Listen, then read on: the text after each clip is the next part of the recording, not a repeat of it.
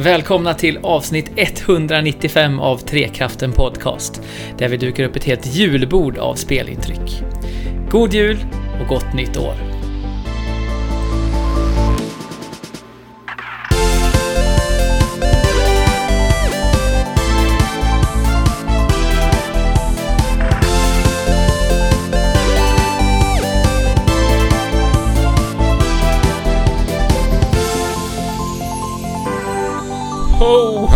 Ho, hörni!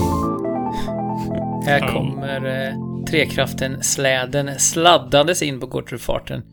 Eh, med säcken full av spel, verkligen. Mhm. Jajamän. Och julbordet står framdukat. Tomten att bara ta för sig. Ni, kära lyssnare, hör ju det här bara någon dag eller så innan jul. Ni kanske till och med kryper upp i soffan, sparar det här till julafton och eh, när klapparna är utdelade sitter och njuter av Trekraften med kanske lite glögg, Mhm. tänker jag för, för mig. Det låter i alla fall som att det vore det optimala sättet att avnjuta detta avsnitt. Ja, precis. Eh, hur är julstämningen hemma hos Fabian? Obefintlig, är jag ledsen att säga. För, fördärva Eh, stämningen. det- Ja, ja, så att vi ska nog inte prata om julstämningen hemma, hemma hos mig. Den är väldigt ensam och grå och mörk. Eh, så, Ja. Skicka en... Men jag är väldigt glad att vara här med er. Det är, det är den bästa eh, stämningen som, som finns kanske. Oh. Ja, och skicka en, eh, en eh, värmens tanke till Fabian här och kanske ett eh, glatt Discord-meddelande också. Mm. Ni som lyssnar. ja, det, eh, I- det uppskattas i naturligtvis. Men eh, vi ska ju mysa på här så att det räcker och blir över. Så hur är julstämningen hemma hos dig Jesper? Ja, Men den är på topp. Eller, Nice! jag är ledsen att säga, jag på säga. Men det är, Kompensera lite. Ja, precis. Överkompensera. Nej, men det... Vi blir kvar här eh, i Västergötland. Eh, vi brukar ju normalt sett åka antingen ner till Skåne eller till Hälsingland. Och Hälsingland är ju väldigt juligt. Eh, och det var Oh, Hälsingland året i år. Eh, men, så det är synd förstås att man missar julstämningen där. Men hemma i vårt eh, parhus här vi bor i, eh, vår familj, ska vi bara vara vi fyra och det känns otroligt skönt. Det har vi aldrig gjort någon gång. Ja, Ehm, eller hur? och eh, bara få vara lediga tillsammans. Och, ja, vi har liksom pyntat och igår bakade vi pepparkakor så det luktar hela huset. Och det Ah. har varit Mm, väldigt mycket av en... fantastiskt. Ja, men vi har kunnat fokusera på oss eh, hela den här eh, förberedelseperioden inför julen och det betyder att vi behöver inte stressa med någonting Nej. för vi gör bara exakt så mycket eller lite vi vill. Exakt. Det, det är skönt. Ja, låter Hur skönt. ser det ut på Pendros vind då? Det känns ju väldigt juligt där du sitter och spelar in om inte annat på din, på din vind. Mm, inte så mycket julpynt, men det är väl lite julstämning i mitt hus överlag med myset Mm. som mitt lilla torp ger ändå. Eh, Men det jag känner väl lite julstämning ändå. Jag hade ju en helt fantastisk eh, julfest, eh, avslutnings för året julfest på jobbet här i torsdags. Så det var väl egentligen då det Mm. sparkade igång. Det här riktiga myset va. Och mitt jobb hade gjort ett fantastiskt jobb att skapa en, en eh, videosamtalsfest, julfest. Det var helt Ja. galet. Överväldigande bra faktiskt. Eh, Så att jag har väl liksom hängt kvar sedan dess. Så att jag har ganska bra julstämning alltså. Eh, Och jag har ju lite lussebullar i frysen som, som börjar glida fram nu va. Och sådär. Sen har jag myst faktiskt en hel del med lite Discord-folk här också nu i helgen och spelat eh, Smash och haft det riktigt härligt. Eh, Och det kommer jag nog in Mm. lite mer på sen faktiskt. Precis. Upploppet till att Ja. du har haft mysigt med Discordar, Discordianer på Smash eh, är ju faktiskt att vi hade det första historiska eh, Trekraften och LAN. Eh, det vill säga vårt online-LAN här i, ja vad blir det nu, för tio dagar sedan ungefär va? Ja, det är väl det va? Precis. Eh, Ja. Något sånt. Och eh, det eh, är ju som sagt en tanke att vi ska ha det här återkommande minst en gång per år och kanske göra det fysiskt eh, på plats någonstans när vi väl kan göra det. Mm. Eh, men nu gjorde vi det på eh, online och eh, då, eh, det blev ju extremt mysigt tyckte jag. Ja. Ja. Verkligen. Verkligen. Alltså, alltså på tal om att eh, hemma hos mig är det inte så mycket eh, mys och så, men alltså den, den, eh, det dygnet, eller de tio timmarna som vi höll på, eller vad det var, eh, 12 timmarna kanske det var till och med, det var eh, så behövligt för, Mm. för mig. Mm. Eh, det var verkligen hur mysigt som helst att bara få sitta och gamea med, med andra likasinnade. Det har liksom inte, inte hänt alldeles för lite med tanke på att vi ändå liksom driver en spelpodcast. Ja, och har det här communityt. ja. Jag tror Så alla att- kände så av oss tre, eh, just det där som du sa, att man är så ovan vid att vara social på ett sätt nu. Så det var väldigt Mm. så här, eh, vad säger man på svenska? Wholesome heter det på Mm. engelska. Att bara få liksom umgås i gl- glada vänners lag och med, eh, Mm. med roliga partybetonade spel en hel dag. Hjärtvärmande kanske är Eh. en bra översättning. Verkligen. Det var det verkligen. Och vi, eh, vi spelade ju eh, Smash, som sagt, och det var det som kanske tog och eh, lyfte folks aptit. Det har vi sett också Ja, på Discord överlag, att flera som var med där har blivit eh, kört igång, och jag också med barnen och sådär. Ja, ja. Eh, så, så det spelade vi, spelade Rocket League, vi körde Among Us, och vi körde ett quiz som eh, några av deltagarna verkligen eh, tog imponerade på. Mm. Mm. Eh, Så eh, kan vi bara, för er som inte kunde vara med den här gången, rekommendera att verkligen vara med nästa gång, för det var verkligen eh, Mm. en riktig pärla. Eh, Det är en av de bästa, en av de bästa kvällarna det här året, konstaterade några Ja. av oss. Ja men verkligen. Jag, jag, jag fick verkligen med. mer smak och så här, på förhand som du sa Jesper så pratade vi om så här, ja men en gång per år ungefär kanske vi kan försöka sätta ihop det. Men det är så här, nu känner jag lite, det är så lätt att sätta upp och det upp, blev upp, uppenbarligen väldigt uppskattat så att vi får väl, ja vi ska eh, diskutera lite så här. Men det känns som att det är någonting som kommer att återkomma och det, folk vill ju det på Discord-communityt också. Så att, Eh, sen kanske inte lika eh, arrangerat som Nej, detta är mer än en gång per år, men liksom nej men exakt. att bara spela tillsammans behöver inte vara en så Nej men exakt, liksom. att vi Nej. sätter upp snarare en tid där vi faktiskt eh, träffas. Och sen kan man komma om man vill. Vi, vi satt ju 13 timmar tror jag Fabian till slut, för vi började klockan ett va?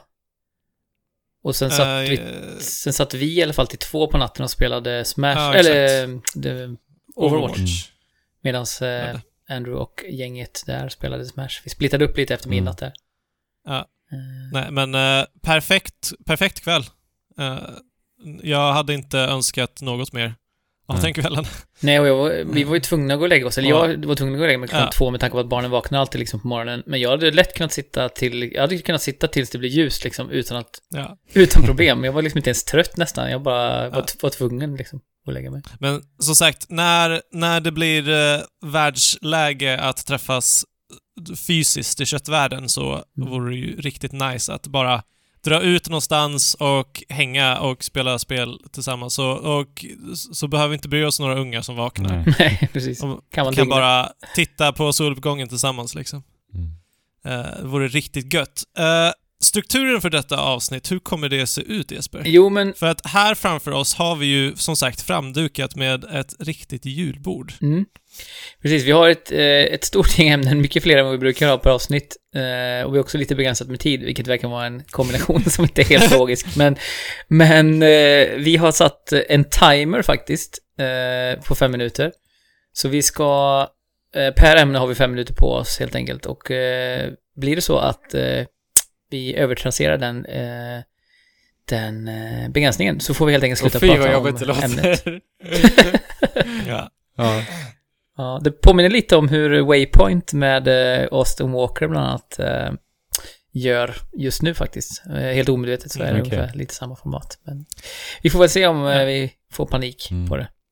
Ja, vi får se. Det kommer ju bli ett smatterband som vi har sagt många gånger utan att det har smattrat så mycket, men nu ska det banne mig smattra Ja, utan bara den. och Eh, och tanken är väl lite att bara få en lite så här julbordsurval av eh, olika små ämnen för att Mm. kunna ta med sig över Mm. julen. precis, och kanske blir sugen på att testa själv, som sagt, vissa av grejerna vi pratar om och så. Precis. Så vem ska först ut få välja? ja men precis. Vi gör väl så tänker jag, att vi går runt, runt och runt och runt och sen så Mm. vi, ja Fabian, jag säger nu, du får börja Fabian, så väljer du ett ämne. Mm, Och sen just så tar den som håller i ämnet, tar upp det helt enkelt. Mm. Ja. Jo, men jag är ganska intresserad av eh, att höra hur Unravel 2 var. Unravel 2, oj oj oj, nu har det börjat redan. Shit, jag får panik direkt! Ja, nu har det börjat. Eh, Titta inte på klockan. Nej. Eh, Unravel 2 har jag spelat. Det finns på Xbox Game Pass. Ultimate eh, specifikt, för att det är ju en del av EA Play. Så att jag laddade hem det här. Ja, ja. Spelade det här med min partner, för det här är ju alltså uppföljaren till Unravel. Men Mm. det, fokuset nu är ju då kooperativt, så det är därför då namnet Unravel 2, helt enkelt. Så Ja, Utvecklat i Umeå, detta spel. Ja, exakt. Eh, Och eh, det här är ju, var ju supertrevligt co- co-op-spel. Eh, För det är ju nämligen så, det unika och kärnan i spelet är ju då att vi är två stycken Jarnis, men vi är ju då ihopknutna helt enkelt med varandra. Just det. Och den här mekaniken är ju helt fantastisk i kontexten av att vara ett 2D-plattformsspel. Och varför då? Mhm. Jo, för att eh, det helt enkelt så kan ni exempelvis rädda varandra. Så säg att Fabian, du och jag spelar Fabian, så hoppar du ut för en, Ja. för en avgrund och sen så missar du Ja, plattformen. det. då, då kan jag liksom grabba tag i dig. Då är det ju ett knapptryck också att ta tag i dig. Nej, vad bra. Ja, det är så himla bra. Och det här skapar kaos eh, och det skapar eh, oväntade eh, knasiga moment där man bara brister ut i skratt. Eh, och, jag, Ja, och jag spelade ju med min partner som är jätte, jätteduktig. Alltså jag blev superimponerad av henne, hur bra hon var på det här spelet. Eh, så att jag var ju så beredd på att ständigt rädda henne, men sen så visade det sig att oj, Ja. hon var ju typ ja, minst lika bra som jag. Men ändå så kom ju, uppstod ju de här situationerna när man i sista sekunden bara räddar dem från, från sin ja död. precis. Jätte... Men blev du räddad Ja, någonting jo men det blev jag faktiskt. Eh, och då skriker man 'Rädda mig!' liksom. Ja. Eh, ja, otroligt bra smart mekanik verkligen. Eh, och sen, ja, men sen är den ju invävd i pussel också, såklart. Och det är ju kooperativt designat, nivådesignen. Ja, det är det. För att alltså, Yarn, det första spelet tyckte jag var jätte eh, fint och intressant, men de, de lyckades inte utforska liksom hela den här Yarn-mekaniken så bra. Mm. Så. Ja, nej, men det, det? Ja, men det gör de bättre, definitivt. Ehm, Mm. Och det är en ganska bra variation. Eh, man märker väl snudd på att de börjar få slut på idéer lite varstans och att det återuppstår Mm. en hel del. Men överlag så tycker jag ändå att, att de är kreativa och att de håller en bra nivå eh, i variation. Eh, och vissa saker är supersmarta, eh, verkligen. Ehm, och sen också med den här mekaniken att vi är fastbundna är ju också så snyggt att om till exempel min partner nu eh, inte eh, exempelvis orkar att hoppa igenom lite svårare eh, sek- sektioner, ja men då kan hon helt Mhm. enkelt bara klättra upp, för att jag har redan klarat av den. Så då kan hon säga, ja men jag orkar Ja, inte jag skippar det här, så jag klättrar upp på tråden istället, upp till dig. Så det är, Ja, men det låter som att det är jättebra Ja. för folk som inte är vana att Ja. spela också. det är verkligen Att det komplementerar väldigt bra. jätteimponerad av, av den här mekaniken och hur, och hur de har implementerat det alltså. Eh, och sen så är det också jättekul då att man kan också hoppa in i varandra. Så att jag kan trycka på, Okej. eh, med ett knapptryck hoppa in i min partner. Och då tar hon över kontrollen fullt. Och det här är också en skit... Aha, nej Det är, så, bra! ja, det är så rolig mekanik, så ibland när det var så här paniksekvenser så, så busade jag med henne, så jag hoppade in i henne så att hon tog över. Och hon fick ju stört panik verkligen när det bara var hon som kontrollerade, för annars så omedvetet så gick hon alltid lite bakom mig. Men ibland så busade jag lite och hoppade in i henne så hon fick ta över. Och det var jätte, jätteroligt alltså. Eh, Paniken hon fick där. Och, ja, alltså jag hade kul verkligen med detta. Finns det några Det ugglor festligt. eller uvar i det här spelet ja, som du har sett, Nej. Nej. Det blir ju nämligen uvleran eh, om man tar ju ett anagram av det. Eh, Nej. Okej. Tänk att det är, jag tänker att det är en sista läskig bana där det är uvar som smyger, eller som liksom gömmer sig i lera. Ja. Uvleran. Alltså bara du, din anagram. ja. Mm.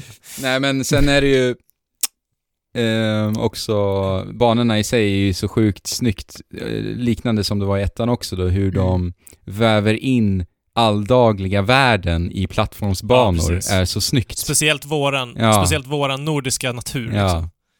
Ah, det är jättesnyggt gjort alltså. det är så vackert. Mm. St- håller musiken samma... s- Nej, Melankoliska, klass. höga klass. jag tycker inte musiken är alls lika bra. Den kändes anonym faktiskt Nej. till och med. Okej. Ja, Första, I första var det ju fantastiskt. ja otroligt bra musik. Men inte alls... Frida, nej jag kommer inte ihåg vad hon heter, men Mm. snorbra.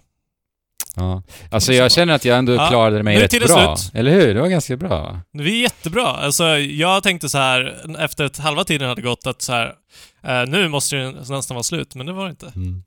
Game Pass Ultimate. Eh, återigen finns det här. Ja. Jespers tur att välja smakbit. Ja, jag vill eh, gärna höra om en bok, Fabian. Har du någon bok, En du bok? skulle kunna prata om? Jo, men det har jag. Ja, vad bra. Eh, jag har en bok. Var du inte medveten om det? Jo. Nej, det är okej. Ehm, alltså, den här boken har nog ganska många... Alltså den har ju cirkulerat ganska mycket eh, runt liksom spel. Blood, Sweat and Pixels är det jag snackar om, just det. som jag velat läsa i flera, flera, flera år. Eh, och den... eh, nu har jag läst den. och jag fattar inte att jag inte har läst den tidigare. Den är eh, liksom... Om du vill få en liten inblick av hur det fun- faktiskt funkar i industrin, alltså typ eh, hur gick det till att eh, utveckla Dragon Age Inquisition i Frostbite-motorn och Mm. Eh, hur kommer det sig att Destiny blev så så kast när det kom, även fast en väldigt kompetent studioutvecklare, Bungie liksom. Mm. Eh, det finns väldigt mycket bakomliggande liksom och eh, väldigt mycket att hitta för att förstå vad som ligger bakom de här spelen som presenteras. Eh, och den är skriven av Jason Schreier som var tidigare journalist på Kotaku. Han har medverkat i väldigt många poddar. En av mina favoriter i den amerikanska eh, speljournalistikens värld. Mm. Och han skriver den här boken på ett sätt som gör det väldigt, väldigt lättläst. Mm. Eh, och det blir spännande på ett sätt. Han lägger upp det på, på ett sätt som är väldigt lätt att följa eh, och som liksom får en, någon typ av narrativ tråd igenom. Eh, som gör att, alltså, må, många sådana här böcker om spel och så vidare, eh, eller om sakfrågor, kan vara ganska så här mm, tuggande och inte alls lika Mm. lätt, lättlästa. Men det här är någonting som alla lätt skulle kunna ta till sig och det tror jag naturligtvis har med hans journalistbakgrund att göra. Eh, så att Jason Shire har alltså eh, åkt runt till massa olika studios, eh, tio olika studios.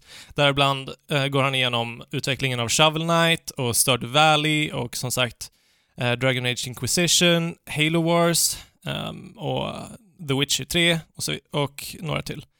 Eh, fantastisk bok som, som fortfarande är relevant. Men jag skulle också vilja ha en Mm, eftersom att jag var så sen till, eh, till partyt så vore det ju nice att ha en uppföljare. Ja, det, han det ska ju släppa en ny. På gång. Ja. Mm. Press Reset. Så-. Ja. Eh, så att i, i väntan på den, eller bara som sagt, få lite mer smak, Mm. köp Blood, Sweat and Jag Pixels. har en fråga Fabian. Vi, vi alla vet Fråga ju kaoset kring Cyberpunk 2077. Finns det någon så här Ja. Insikt eller kommentar du kan ge gällande allt man har hört om Cyberpunk utifrån det du läste i den här boken? Utifrån CD Projekt Red och eh, The Witcher 3, eller menar du som helhet? Nej men jag tänker utifrån det du har fått, fått reda på ifrån boken. Kan du se någon, någon röd tråd där till Cyberpunk kanske? Eh, alltså, speciellt eftersom att de, de täcker eh, The Witcher 3 Ah, och CD. Projekt Red. Ah, ja. Så, eh, så förstår jag inte hur de, hade, hur de har kunnat gå från The Witcher 3 eh, och, och liksom gjort det så himla bra som liksom enda stora polska spelstudio Mm. eh, till att göra någonting som verkar vara så här kaosigt. Jag har ju inte testat Cyberpunk eller sett så mycket av det än, så jag vet inte hur mycket jag kan hur mycket jag vet ens om, eh, om alla buggar. Men eh, det är väl främst att det är de tidigare generationerna som det inte funkar till.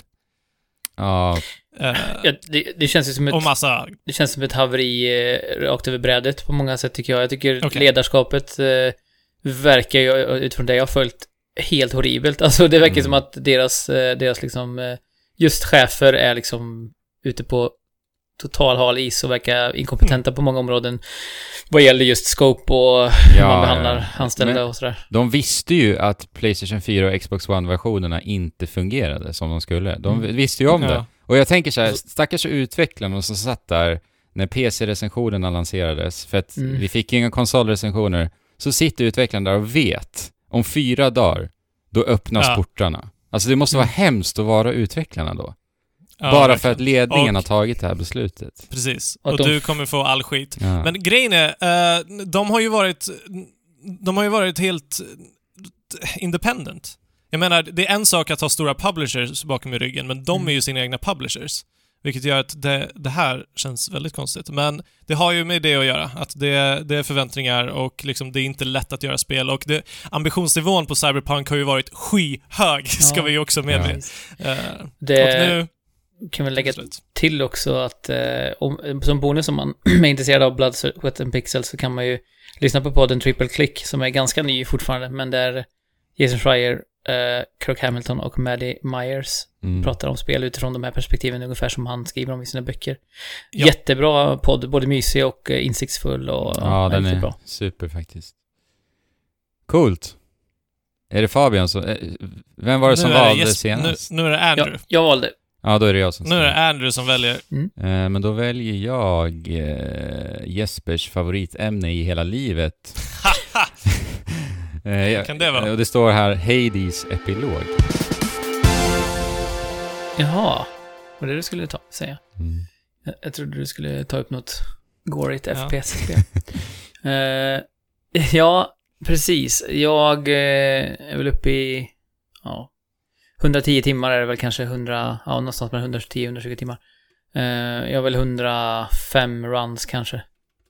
Eh, och 105 det jag har jagat har hela tiden varit först att få se credits, det vill säga 10, 10 kills på eh, slutbossen. Och till att börja med så kändes ju det lite svåruppnåeligt på något sätt. Jo. Att säga, ja men det är långt, klara spelet 10 gånger liksom, låter jättemycket. Men det gick ju ändå ganska så snabbt. Eh, Det, jag vet inte om jag sa, vad tog det, 40 timmar eller? Ja, det tog typ 35-40 för mig också. Ja. Och sen så var ju då målet att, ja men jag ska klara det 20 gånger och då var det mer bara så här som en siffra. Sen så insåg jag att, ja men det finns en epilog. eh, och eh, epilogen är ju det jag kommer använda mig av som eh, liksom eh, escape route. När jag klarar av epilogen då, då kommer jag äntligen kunna slita mig.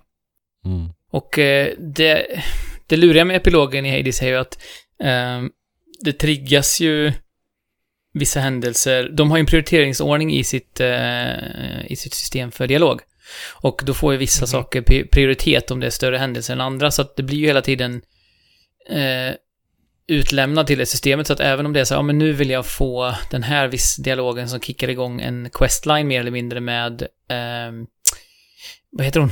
Gudinnan av jakt. Tappar jag hennes namn bara för det. Eh, Achilles. Eh, Nej. nej. Ehm, Nej, Artemis. ju en av mina Arte- favoriter. Artemis, ja. Ja, precis. Eh, ja, och då kanske inte den kommer på de två, tre första runsen för att det är annat som ska hända först enligt storyn. Mm. Så det är lite så här, man får ibland nästan känslan av att jag skulle vilja dö med flit liksom. För att Ja, flytta fram storyn.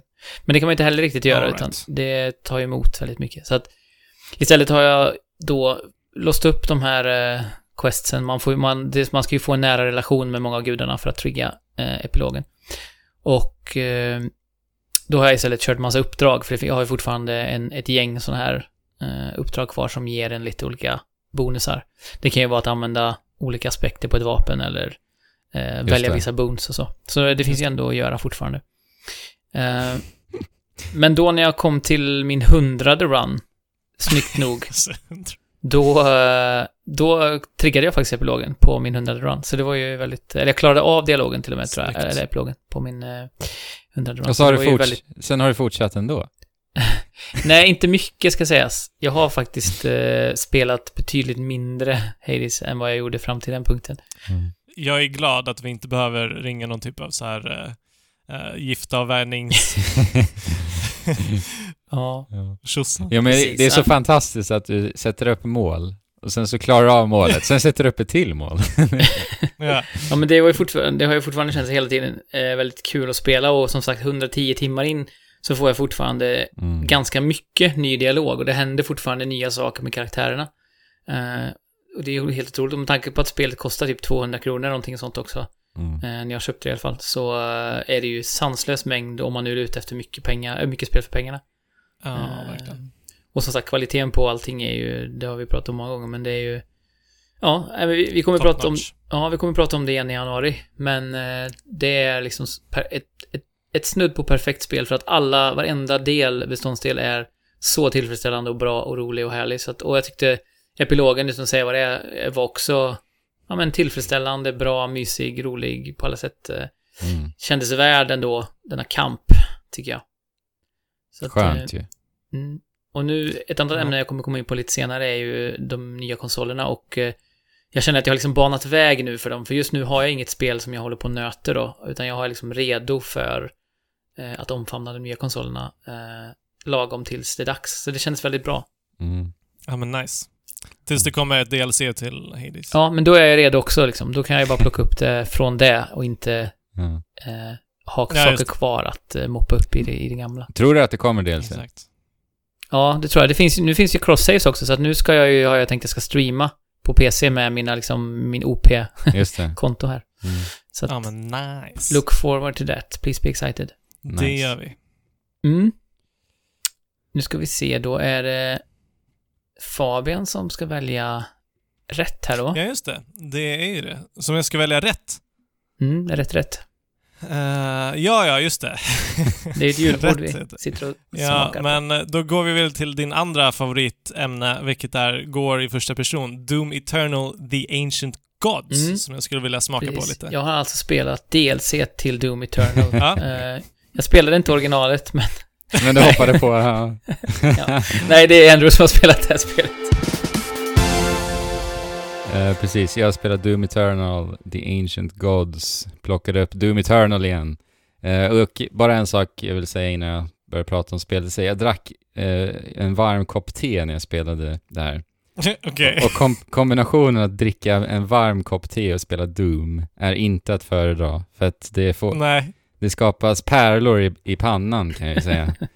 Det kan jag tänka mig. ja jäklar alltså. Det är inte så mysigt spel. Nej men det är ju alltså, det är så hektiskt, det här spelet. Det är helt sjukt. Jag, jag blir påmind om det igen nu.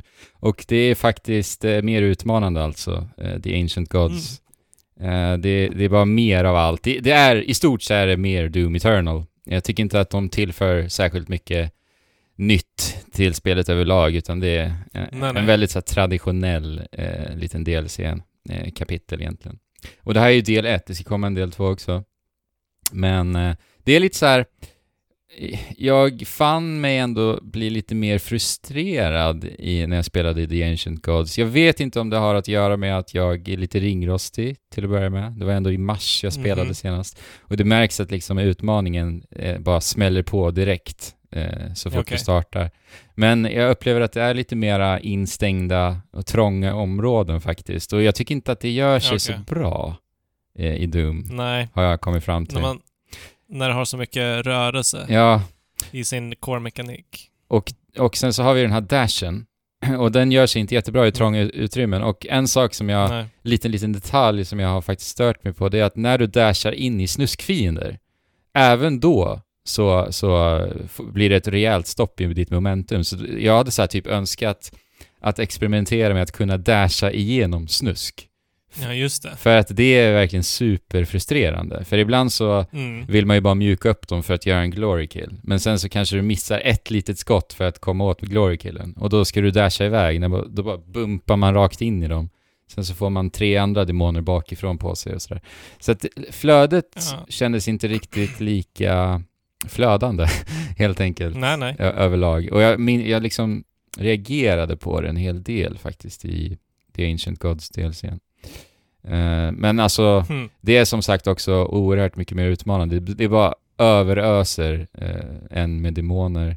Eh, och sen är det väldigt så här, specifika utmaningar.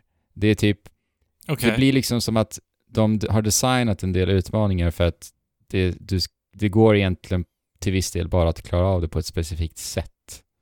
Eh, och det tycker jag inte heller gör sig riktigt eh, lika bra i Doom med Nej. med lite mer öppna, eh, det kreativa spelandet. Att man liksom zappar Precis. mellan, mellan vapen och svingar på de här monkey swingsen och hoppar omkring. Alltså det finns sådana moment ja, också. Det är väl ändå signumet liksom Ja. för det här spelet. Precis. Det, ja, det kändes inte riktigt lika. Alltså det finns som sagt den typen här också, men Sen så hoppar man in i de här eh, ställena där jag känner mera frustration som jag säger då. Men ja, jäkligt utmanande överlag. Eh, mer Doom helt enkelt. Doom Eternal. Eh, så allt som allt. Jag älskar drypande. ju Doom Eternal va, så att det var ju ändå trevligt. Ja. Eh, så. Men det är, jag skulle väl inte säga att det är ett måste eh, att spela. För att du, det, har du spelat Doom Eternal och du tyckte om det så, så finns det väl inte jättemycket här att hämta utöver det egentligen. Det är väl bara liksom mer av det goda om du tycker att det är gott. Exakt. Helt enkelt. Eh, men jag minns att du nämnde när du snackade om Doom Eternal att det fanns eh, typ någon fiende som typ förstörde hela spelet. Jag har fortfarande Eller inte nämnt sånt. den i, i, i podden faktiskt. Exakt, Marauders. Och de, det, ja det är väl egentligen, de dyker upp fler, eh, oftare här. Och det är väl en av anledningarna också till att, att spelet känns så specifikt. För att de fienderna är superspecifika. Du kan i Ja. princip bara döda dem på ett väldigt specifikt sätt. Eh, och det är där... Det är konstigt val i så fall. Ja, för det är ju verkligen inte annars vad Doom är. Nej, Så ja, jag gillar inte de fienderna det alls. går lite emot hela designfilosofin. Ja, exakt. Ja, det var nog det. Ja, 20 sekunder kvar, nice. Ja. Ja, det är ju när man eh, har varit i helvetet, det är ju väldigt så här... Jag, jag tänker mig att det är salt på något sätt. Salt. Ja, men om man tänker på smak liksom i helvetet, att det är det här svavel osande och salta på något sätt. Att det gör, Ja. sticker hela tiden i små sår man har och sådär. Ja, just det. Och, och tänker man smakmässigt Ja. så är det salt och då vill, kanske jag vill röra mig från helvetet och till någonting lite sötare, lite luftigare. Eh, Ja. Och då tänker man, det, det är nästan som att det är haven, äh, heaven ska jag säga. Eh, Ja. men det är ju inte riktigt det, det är ju felstavat då, haven. Men som en Ja. till, tillflyktsort har, du, har Exakt. du varit på Fabian. Jag skulle vilja höra lite mer Ja. om det här för att dova, eller vad ska jag säga, dämpa min stress kring den här helvetesskildringen vi fick. Jag har alltså testat Haven i och med Game Pass. eh, Som är... eh, jag blev intresserad av det när de visades på något real, typ så här med indiespel.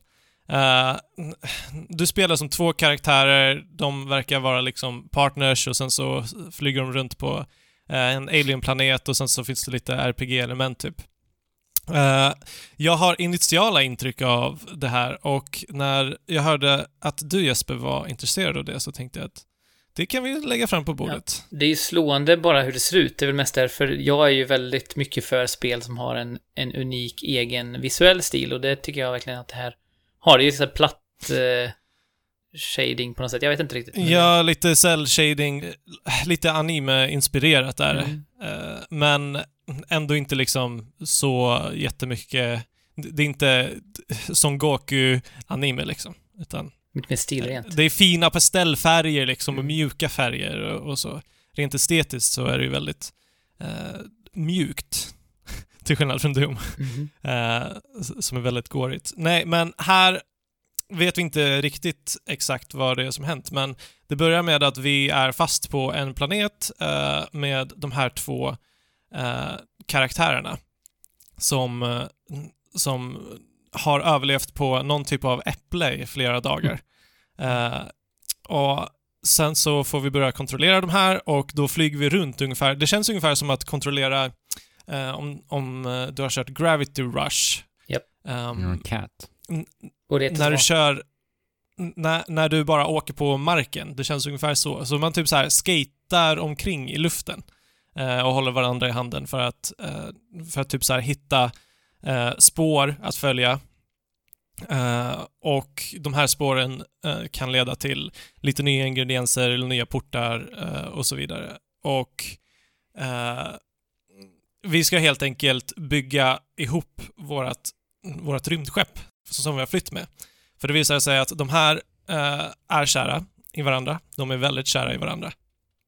Och de har flytt från en regering som parar ihop folk mot deras vilja. Eh, och då ska vi försöka överleva här, för att då, de är typ de enda som vi vet någonsin har lyckats fly från den här eh, regeringen. Och de har...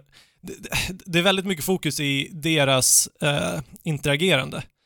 Eh, och som sagt, de är väldigt kära. om du inte är kär, eller kanske till och med är nykär, eller spelar det här med en partner, för att det ska sägas att det är designat att spelas två. Du kan eh, flyga runt två spelare, Mhm. eh, du kan fightas två spelare och du kan välja olika dia- dialogval med två spelare. Aha. Så att en kan ta anta rollen som killen och en annan kan anta rollen som, som tjejen i det här. Eh, och det, det kan upplevas som väldigt mjäkigt, tror jag. Väldigt så här, ni vet, lite cringy-aktigt. Mm. Eh, eftersom att de är så kära. Men det, det är också ett testament till liksom hur väl de har lyckats eh, gestalta relationen mellan de här.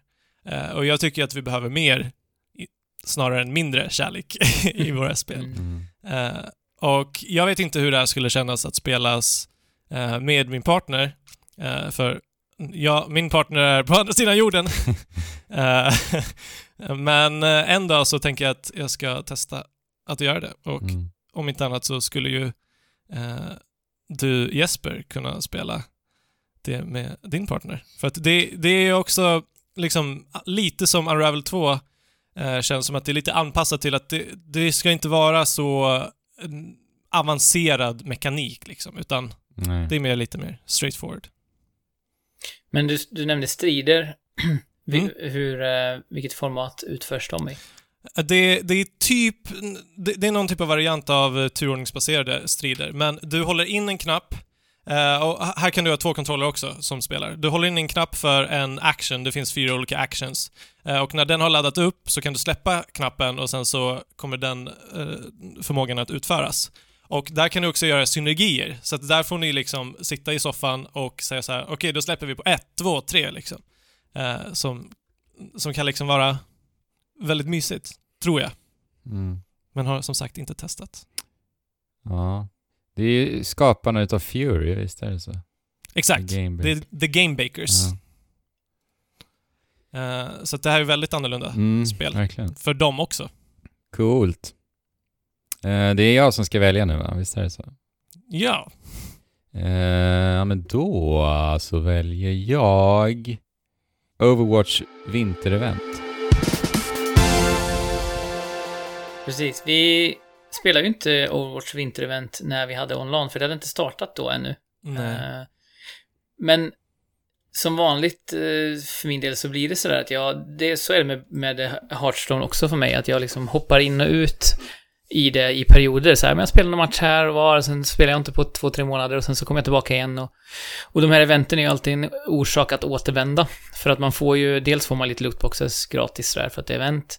Och det är alltid kul. Och sen så är det ju alltid lite nya spellägen som man kan kolla in, sådana här lättsamma lägen. Det är olika vad det är för, för spellägen, men här i, i vintereventet så är det ju då såklart snö och snöbollsfokuserat. Mhm. Ja. Eh, och ganska mycket kring mig också. Mig är ju en av mina mains, så att säga. Pun. Eh, och det finns ett spelläge som är, man spelar free for all. ja! Och så måste man plocka upp snö för att kunna bilda en Mm. snöboll. Och man kan ha max tre snöbollar på sig och på samma gång. Och så kastar man dem och det är ju så här eh, one hit kills. Eh, så att om du träffar någon med en snöboll så, så dör de liksom. Eller dör, det är ju väldigt uppenbart att det är på hur karaktärerna...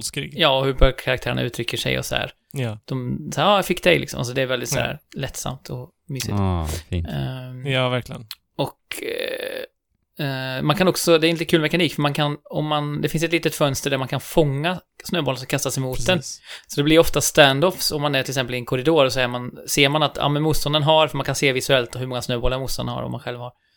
Eh, har, snö, har motståndaren bara en snöboll, då kan man liksom bara så här bli någon sån här mexican standoff där man bara tittar på dem, Mm. väntar, och så kastar de bollen och så kan man hinna trycka på det här eh, kommandot för att fånga snöbollen och så kan man kasta Ja. tillbaka den på dem då. Ah. Eh, så det är en rätt så rolig, liten men väldigt kul mekanik som vi adderar rätt så mycket till, till läget. Verkligen. Eh, jag har också spelat det här Mm. och jag kunde inte sluta spela. Jag, det var länge sedan jag kände att det var bara så här en match till, en match till, Mm. en match till. Eh, hur länge som helst. Och de där tillfällena som du snackar om eh, är helt fantastiska. Och det, det, kan, det är inte bara så här att du, fång, du fångar den och, och lyckas träffa den andra, utan det går fram och tillbaka, fram och tillbaka, sen kommer en tredje in och, Ja. och så blir det helt kaotiskt. Och, och sen så till slut så kanske du till och med lyckas få ner båda två och, och liksom... Ja, det känns det- snorbra. Det är väldigt tillfredsställande själva fysiken också, att kasta bollarna, för de har en väldigt härlig båge. Ja, Eh, så någon gång så kastade jag, det var på den här eh, eh, Antarktisbanan, forskningsstation på Antarktis, så mhm. kast, var jag på bottenvåningen och kastade den upp i ett fönster där det gick förbi en och så lyckades jag liksom pricka dem precis i Ja. förbifarten. Det var så himla härlig känsla. Det var ju liksom som ett headshot fast på något sätt mycket mysigare. ja men... Är det, är det att man laddar upp kraften typ, eller? Eller? Nej, Nej. Den, har- den har en satt vinkel, så Ja. att du får, Okej, du får ehm, höja siktet liksom. Om Mm. du vill att den ska... Beräkna Så bågen. precis. Ja. Ja. Eh, och sen eh, är det ju då som alltid i Overwatch när det gäller event så finns det ju en hel del eh, skins och så som man kan jobba, jobba emot. Jag har låst upp en en ikon med Junkrat som är en av mina andra mains och han kan ju, man kan få en jätte, jätteful, så han kan se ut som en elf. Ja. Junkrat, en väldigt ond elf. Men, eh, gringy. men hur är det med detta? Är det helt nytt för i år? Eller återanvänder de från tidigare vinter? Ja, de återanvänder vissa grejer. Jag vet inte hur den här just eh, är, för jag har inte spelat den förut till tidigare event. Det kan vara att de har haft tidigare vinter, men de återvänder, de brukar återvända, återanvända en del och sen så är det en del nytt Mm. också. Just det. Eh, lite blandning. Precis. Eh, det finns ju det här uh, Yeti Hunt, där det är en som spelar Winston och resten spelar Mail. Mm. Uh, finns det här året också, för det har funnits tidigare år. Ja, och sen så finns det Snowfight 6, 6v6 också. Mm. Just det, ja, det har jag kört. Det har, Men- det har fanns, funnits tidigare. Det som är lite kul också med eh, de här arcade-lägena är att det är ofta så att det är åtta som spelar och de topp fyra får eh, en win, vilket betyder att man får, Mm. får sin första loot, ah, första gången man vinner får man en lootbox. Så att det är ju liksom en sån här eh, rankinglista hela tiden som man också tittar på lite sneglande hela tiden medan man kör de här Mm. snöbollsfighterna. Så det, det finns ändå en precis lagom mängd eh, tävlingsnerv i det också, för man vill låsa upp den lootboxen. Ah, Jag har sex stycken lootboxes nu. Jag tänkte, tills, du inspirerade mig när vi spelade det här Fabian, att när jag har tio då kanske jag ska eh, göra någon form av liten Ja. mini-stream och öppna dem. Jag tror att jag är över 20 nu. Oj, jösses. Vi kanske borde slå våra påsar ihop då. Ja, det borde vi göra. Öppna tillsammans. På julafton Ja, gör vi paketöppning. ja, borde vi göra. Men eh, ja, eh, det var Overwatch. Och eh, Det var Overwatch. jag tittar ut över vårt dignande, dignande bord här. Ja. Och jag tänker att eh, om man skulle spetsa många av de här maträtterna på ett riktigt långt spetsigt svärd så skulle man få ett härligt, eh, vad heter det? Grillspett. Grillspett, ja. Grillspett. Ett julspett. Mm. Ett ljudspett. Så du kan väl, eh, kan väl eh, upplysa oss om, Andrew, hur väl Sephiroths svärd i Smash skulle lämpa sig som julspett. Otroligt bra. Det skulle bli ett eh, stort eh, spett i alla fall. Mycket ma- Aha, mat får plats. långt. Ja. Alltså Sephiroths eh, svärd är ju så långt alltså. Eh, Har det ett namn eller? Det borde det ju ha. Ja. Ja, ge, ge oss. Ni vet, jag har ingen aning. Nej. Nej, alltså eh, det är nog så här. Börja snacka så kan Ja. jag kolla. Eh, Sephiroth har kommit till Smash, det här blev utans- utannonserat på The Game Awards. Eh, och för mig är väl inte det här en karaktär eh, som jag har så mycket relation till. Det här har vi pratat Ja, det är massa Mune. Okej. Masamuno, sa du det? Massa Mune. Ja. Ja, det visste jag ju. Mm. Jag har, ju- vi pratade ju om det här med min relation till Final Fantasy när vi pratade om Final Fantasy 7 Remake här tidigare i år. Mm. Eh, Jag tyckte inte om Sephiroth särskilt mycket i remaken, så att den relationen jag har till honom är ju inte jättestark. Eh, men efter att ha spelat typ 12 timmar Sephiroth i Smash nu, kan jag ju What? säga att eh, Sephiroth i Smash är min favorit Sephiroth som finns. Va? Aha. Ja. Frågan är, är det Sephiroth Ja. eller är det en av Genovas kloner eller får man reda på det? Nej, jag tror inte den låren finns att dyka ner i här Jesper. Alltså. Nej. Så du är, inte, du är alltså inte säker på att det är Sephiroth du gillar utan det kan vara Genova Någonting annat, ja. ja. Jo, men det kan det vara. Eh, nej, men så här, överlag, eh, nu när Sephiroth har kommit till Smash så känns det verkligen som att det är egentligen nu Final Fantasy kommer till Smash. För att, eh, som vi vet, när Cloud kom, till att börja med fick vi bara två låtar. Eh, och de två låtarna var ju inte några, några nya arrangemang, utan det var ju originallåtar eh, som de bara hade plockat rakt av. Och eh, vi fick en Midgard, Midgard, Midgard, Midgard, Midgard. eh, Midgard. ba- bana. Och sen så var det inte så mycket mer. Eh, det kändes väldigt eh, begränsat och Cloud fick inte ens en egen trailer snyggt i CGI som vi har sett här med Sephiroth och så vidare. Så det känns verkligen som att nu är Final Fantasy på riktigt med i Smash. För att vi, vi Mhm. får ju också nio låtar eh, extra. Jag vet inte Ja. om det är nio totalt nu eller om det var nio extra, jag kommer inte ihåg riktigt. Men det är fyra av dem är nya arrangemang som är så in i Hades bra. Alltså det är, Alltså, Final Fantasy 7 Remake-musiken var ju helt otrolig. Och här får vi ju då lite Smash-esk Final Fantasy 7-musik. Och det är så himla bra. Det är ne- Mm. Nier Automata, eller Nier Kompositören har ju gjort två, låtar, två av låtarna. Bland annat så har han komponerat eh, Aeriths Theme. Och den låten, alltså herregud. Jag, jag grät typ i tre timmar tänkte jag säga. Men ja, alltså jag har inte hört den. det är så Vi kanske kan klippa in den lite här. om- Ja, det kan vi säkert. Vi struntar i copyright, eh, jada jada nu alltså, för det här måste höras.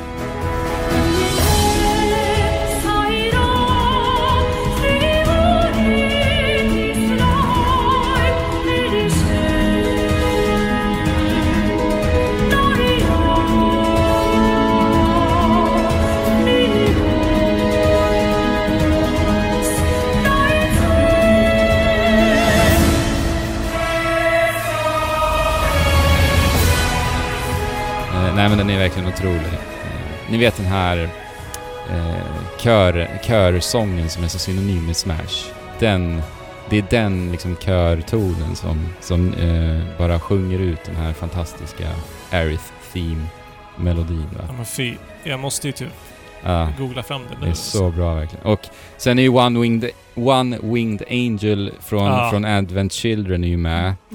Och den låten i Smash.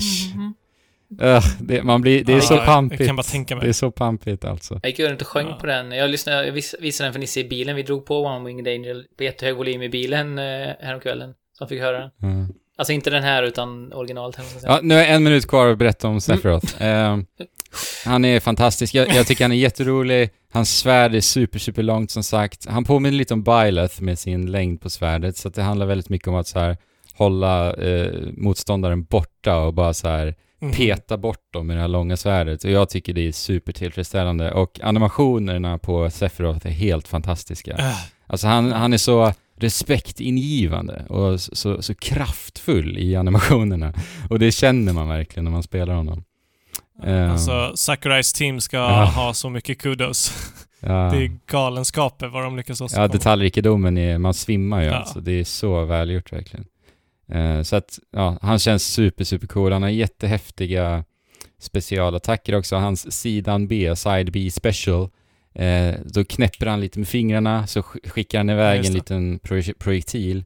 Och då så eh, cirkulerar det som så här lila, ondskefulla bollar runt fienden. Sen efter fem sekunder så bara åker de in i motståndaren. Och de här kan man ju verkligen sätta, sätta sprätt i motståndarens huvud för att du måste ju hålla koll på när de här ska liksom åka in i dig.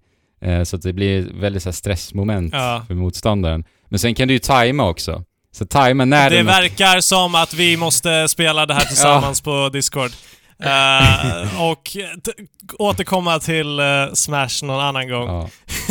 För jag är ledsen att avbryta din kärlek som bara sprudlar likt, likt ja, uh, Sephiroths ondska. Men nu är det dags att smaka på någonting annat. precis. Han är fantastisk. Eh, vems tur är det? Är det jag? Mm. Ja.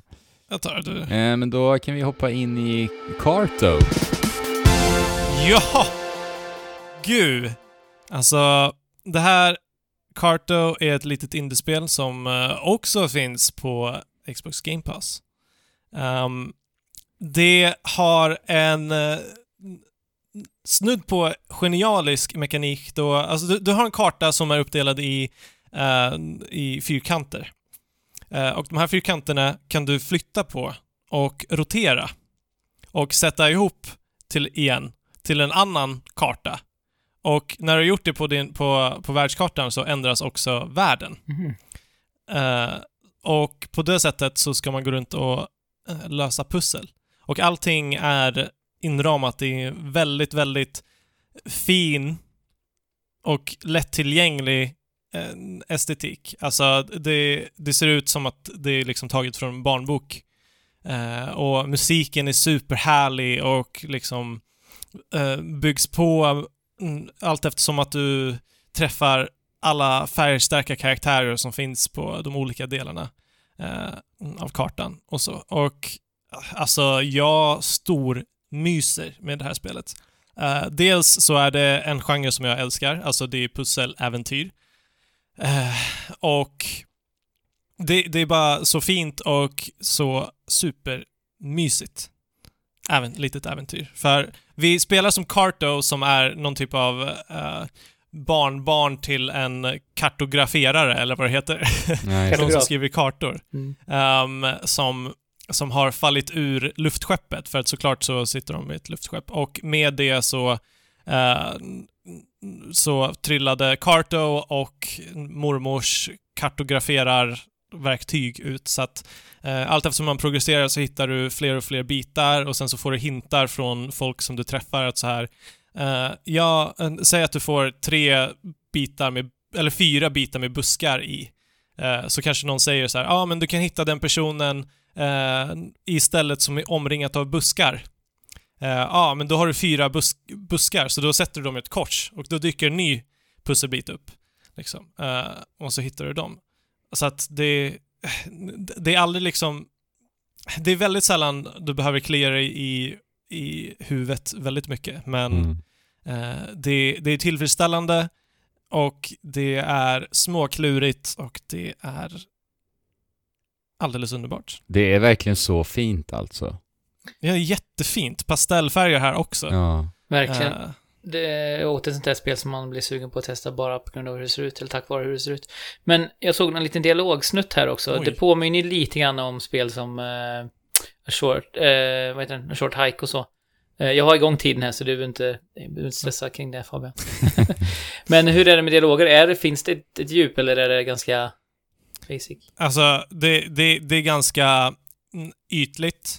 Eh, men det finns ju också någon typ av eh, underliggande kultur kring varje plats som du, du träffar och liksom som, som, som är väldigt väl invävt. Alltså jag menar, eh, det finns mer... Det, det känns som att du lär... Eh, av vad du hör från alla de du träffar så, så liksom förstår du mer av den här världen. Mm. Eh, på, på ett sätt som känns lite Ghiblieskt liksom. Men, men d- ofta är ju personerna väldigt fåordiga och Mm. det handlar om att bara Mm. liksom försöka klura ut vad det är du, du, du ska göra. Men du, du får ju olika uppdrag liksom. Eh, allt eftersom tiden går. Hur långt är spelet? Inte så långt. Jag har inte klarat ut det än, men jag är på sista eh, i sista världen. Och Pratar vi... väl, alltså kanske en mellan, någonstans mellan fem och tio timmar kanske. Ja. Troligen runt fem. Snarare. Game Pass alltså. Det finns ju på Game Pass. Eh, och det här är verkligen ett sånt spel som, som jag menar med Game Pass liksom. Mm. Som, det finns tillgängligt, det är supermysigt. Jag är osäker på om jag skulle köpa det annars, men Mm. det här, eh, alltså efter att jag spelat det så vet jag ju att det här skulle jag kunna lägga några Ja, men exakt. eh, pengar på. Liksom. Ja. Jag satt och förberedde mig inför eh, att vi packar upp eh, Series X här genom att kolla på Game Pass. Eh, jag är ju registrerad Ga- Game Pass-användare redan nu sedan några dagar tillbaka. Och jag bara klickar in spela senare, man kan göra sig playlist ju.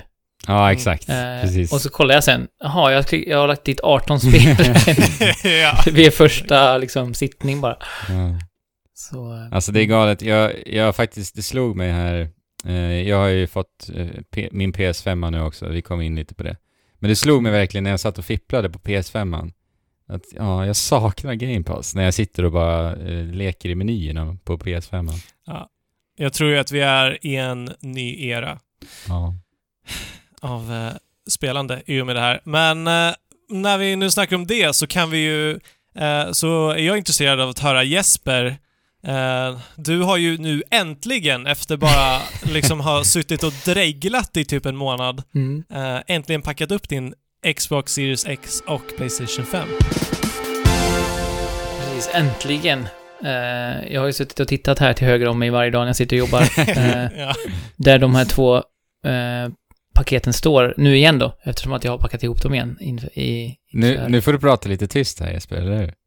Ja, precis. tänk Ni om- sitter ju där nere. eh, inför julafton. Eh, och eh, jag ska hacka systemet lite för att jag sa ju att jag hade spelat klart Hades för att kunna liksom lägga upp för att njuta av nya generationen, men jag kände att jag inte riktigt, jag måste säga två saker om Hades innan jag kan prata om den nya generationen. och, det, och det ena är att, att eh, eh, vissa av karaktärerna som man har sett på ett visst sätt genom kanske 100 timmars spelande har nu fått en helt annan bild Mhm. Eh, i och med att jag har klarat av massa saker, inte bara epilogen utan vidare. Så att Aha. det är väldigt coolt, vissa karaktärer säger aha, den, den är den här, har den här agensen i världen, den är mycket större, större på, eh, avtryck i världen än vad jag trott. Och de här har den här kopplingen till varandra som är under ytan som inte har synts någonting. Det var nummer ett. Och nummer två är att det är så roligt när man eh, nu har kört så många gånger för att eh, efter man har klarat av spelet tio gånger så blir det ändå så att man fortfarande dör och får börja om igen av, av olika anledningar. Då måste de hitta på varför man dör. Och de har lagt in medvetet att ju längre man kommer in i spelet, desto sämre blir förklaringarna till att man dör. Eh, så, så till exempel vid ett tillfälle så, så säger de, fast med väldigt sirliga ord, liksom väldigt så snirkligt, att ja, Cerberus trampade på en kratta och fick den i ansiktet och dog. Nej, okej. Och sånt liknande dumma grejer, typ, ja men han blev jätteallergisk och dog. Han fick en allergichock. Alltså det är så här eh, jättefåniga grejer, fast de, de beskriver det på ett så här sätt så att det passar in i världen liksom. Mm. Eh, Ja. på, det här, på det här omständiga sättet som han, Logan Cunningham, pratar liksom. Eh, Ja. Det var det. Nu har jag tre minuter på mig att prata Ja, om eh, precis. Nu har du 6 och spenderat Playstation 5. två femtedelar. Nu känner jag mig redo. Men i alla fall, jag hade bokat in då att fredagen innan julveckan, det vill säga i helgen som var nu, så skulle jag sitta med det för att inte bli så här hetsigt att göra det precis typ 23 för att då vill man liksom ha tid att mysa och fixa lite smått, inte stressa så mycket som Mm. jag pratade om förut. Mhm. Eh, så då hade jag tänkt att på fredag, ja äntligen då, så fredagen som gick nu så satte jag mig, eh, Nils sov över med sin kompis, vilket innebar att jag kunde inte börja förrän eh, halv elva. Och då tänkte jag så här, okej, för då, tog, då plockade jag upp Xboxen då och skulle liksom patcha, fixa allting, ladda ner de, de spelen som jag vet kommer spelas eh, första kvällen redan. Och så att allt Mm. var redo när man packar upp den. Men det var bara det att jag tänkte så här, ja men halv elva, då kanske jag är klar i alla fall vid ett. Det är ju ändå rimligt liksom att gå och lägga sig på en fredag. Mhm. Eh, men det, det är såklart så blir det, ja men det här kontot måste jag koppla till det här och den här grejen och så måste jag ladda hem och flytta över och grejer. Så det tog ju liksom, jag tror att jag var klar vid halv tre till slut. Eh, men det var en väldigt härlig känsla ändå att just så här Ja. lösa in alla koder vi har fått. Vi har fått genkoder av, av Microsoft. Eh, och, och ja, men bara se till att allting är liksom putsat och redo eh, Mhm. inför, eh, inför den stora dagen på, på torsdag. Eh, Vi, vi, Men- vilken konsol vinner eh, the eh, unboxing experience då? nej men det är ju Xbox. Visst är det det alltså? ja, absolut. tveklöst. Det är ju mer Mm. Apple... Eh, Ja. eh, Apple-modell, att man ska liksom att det ska kännas som att wow, här öppnar jag upp en liten skattkista med grejer. Precis. Ja, ja. Nice. Men i alla fall dagen efter så tänkte jag så här, ja men då, är det lördag kväll, då ska jag faktiskt ta, ta den andra konsolen också. Uh, och, så jag pratar lite nu i kodord här också för att det är risk att det blir spionerat på, Mm. men... eh, och då tänkte jag så här, okej, n- nu ska jag i alla fall inte sitta lika länge. Och det gjorde jag faktiskt inte heller. Jag blev klar faktiskt redan typ kvart i två. Den natten. Snyggt. Så det var min, min, nästan en timme tidigare. Mm. eh, och där var det ju krångligare med ett, eh, ett, st- ett, sån här, vad säger man? Ett stöd som man måste sätta konsolen i och meckla med. Och det var en specifik HDMI-sladd. Jag satte in en annan HDMI-sladd först och då blev det bara konstigt med ljudet. Det bara glappar och har sig. Så jag blev lite orolig först. Men Okej. man måste ha en specifika HDMI-sladd. Eller en i den hastigheten liksom. Som jag inte Okej. hade innan. Så Eh, man måste ha en 2.1 HDMI? Ja, tydligen. Jag vet inte om 2.1, men jag åtminstone någon, någon form av snabb sladd. Ah, ja. Men sen menyerna har vi pratat om förut och det låter så här fånigt, men bara att menyerna är i 4K eh, gör faktiskt stor skillnad. Man får se de här Ja. partikeleffekterna och det gjorde lite för känslan av lyx ändå. Oh, ja. Och sen när jag då fick eh, lösa in eh, Dark Souls-koden och se den sida vid sida med de andra, lik, eh, samma spel med Fortnite och, eh, vad heter det, Rob, eh, inte Roblox, men, eh, vad heter det, Rocket League och så. Det var också en härlig upplevelse. Och att hålla i DualSensen var ju faktiskt mycket bättre än vad jag trodde. Jag tänkte att den kändes som en vanlig handkontroll, men det var verkligen så här, wow, den sitter som en smäck. Ja. Så att nu är allt patchat, allt är redo, så att om eh, några dagar så är det bara att plocka upp och ha en familjestund utan dess like. Demon Souls Vilken med familjen. julafton ni kommer ha. Demon's Souls med familjen på Precis. julafton. Vi kör Royal. Mys. Ja, Jesper, du ska ju spela Demon Souls på svenska för att lätta på stämningen som du har så svårt för med From Software-spel. Ja, det är just det här tryckande Finns det på stämningen. svenska? Ja, det finns på svenska. Vi, vi konstaterade ju det här i vår Discord att, eh, vad var det nu? Det var, ett, Voiceover. det var ett begrepp. Om vilket var det som vi översatte till svenska, eller som fanns översatt till svenska? Eh, Tänker du på eh, mitt problem med PS5 nu eller? Ja, Ja. precis. Jo, eh, spoltjut. Spoltjut. Vad är det översatt från? Eh, Coal Wine. Och jag eh, frågar mig inte vad egentligen allt det här är för någonting. Men det är... Men det är elektroniskt tjut helt enkelt, som kommer från elektro- Ja. elektronik. Precis. Okej. Mm. Eh, för jag har ju haft lite problem med att min PS5 låter som den... Ja. Det, Okej. jag upplever inte att den ska låta så, men eh, det är lite användare på Discord som har lugnat mig lite. Och det är tydligen super, super vanligt, både eh, vad gäller PCs och PS5. -or. Efter lite googlande så är det typ så här, alla verkar ha det här. Så att, ja. Men alltså det borde inte vara så, men det är ingen fara, eller vad? ja, exakt, exakt. Okej. Den låter lite. All right. Det var ju det vi hoppades att inte skulle ske från denna generation. Alltså så här, det låter ju inte Det som en inte låter. PS4 Pro kan jag ju säga. Det är väldigt mycket bättre än så. Då så. Men, Men s- som du skrev där också, att eh, det är ju också ändå märkbart att eh, Series X är typ knäpptyst. Man, Ja. måste vara, man måste typ vara med örat precis bredvid den för att man ska höra fläkten överhuvudtaget nästan. ja, Ja, precis. det är ju fantastiskt. Mm. Och eh, det verkar ju som att eh, eh, PS5 kommer gå in under TV-bänken också, så den kan ligga ner, vilket Mm. är en, en fördel. Den är monstruöst stor. Det, alltså, man- jag har hört hundra miljarder olika skämt och memes om det, men när man väl står där med den i händerna så är det ändå, jaha, den var så här stor. Ja. Galet. Men Jesper, nu är det Mm. dags för dig att välja nästa rätt. Ja, jag satt ju och fipplade på menyn till Astro och var så här, ska jag bara, bara två minuter? Kanske bara känna. Nej, men jag gör inte det. Jag ska inte sabba det för mig själv. Så jag gjorde inte det. Bra idé. Men eh, eh, du har gjort det, Andrew. Ju. Ja. Du har ju spelat mer än två minuter. Jag har klarat av det och jag har tagit Platinum-trofén till och med. Uh. och det är, You've gone and done it all, eller You've only gone and done it all, heter det va? Eller sånt där. ja, det är väl något sånt ja. Platinum-trofén. ja. Jag har sett den, många postat den på Twitter. Kan någon sätta igång tiden? För att jag märker att jag tycker om att ha tiden igång faktiskt. Eh, ja, Astros Playroom. Det här uh, åker ju med alla Playstation 5-år. Det är ju Och förinstallerat. inte bara att, att, att man får det gratis, utan det är ju faktiskt förinstallerat, så man kan bara trycka på spela från första minut, vilket Ja. är fantastiskt. Mm. Underbart. För övrigt gick det fort att sätta igång PS5. Jag tyckte det var, det var inte så mycket uppdateringar, eller hur? Det gick rätt Nej, och flytta över gick också hyfsat smidigt ändå. Ja, nice. Spara filer och sånt. Ja. Eh, Astros Playroom, I like this game a lot. Eh, ni vet ju hur mycket jag eh, dyrkar eh, eh, Astrobots Rescue Mission, Rescue Mission. till VR. Mhm. Tyckte det var helt fenomenalt verkligen. Och det här är väldigt mycket Astrobot Rescue Mission. Men istället för att, att fokusera eh, och skapa mekanik kring VR-headsetet så gör, gör de ju det med DualSense-kontrollen istället. Mhm. Det hade ju kunnat Just vara det. Nintendo som Team Asubo var, jobbade för egentligen, för det är ju precis så Nintendo brukar jobba med, utifrån ett koncept och sen Ja, Mm. extremt kreativt. Ja precis. Bara fokusdesign kring det helt enkelt. Och det är det. Det är så lekfullt och det är jättehäftig implementation utav DualSense-vibrationerna. för det är egentligen det det är som är så unikt med kontrollen. Eh, HD Rumble. HD Rumble, Eller är det 4K Rumble till och med det här? ja men eller hur? Det kan vi väl säga. Nej men det känns, det känns som HD Rumble, fast mer och överallt. Så skulle jag kunna beskriva det. Fast mer och överallt. Ja. Ja. Runt hela greppet så att säga. Eh, så att det är liksom mycket mer, detalj, mycket mer detalj på detaljnivå verkligen. Eh, hur de kan använda sig av vibrationerna. Och även eh, eh, axelknapparna har ju, har ju vibrationer och Motstånd. motståndare. Precis. Det är faktiskt superhäftigt. Det finns en, en liten så här rymdskepp som man kan åka i.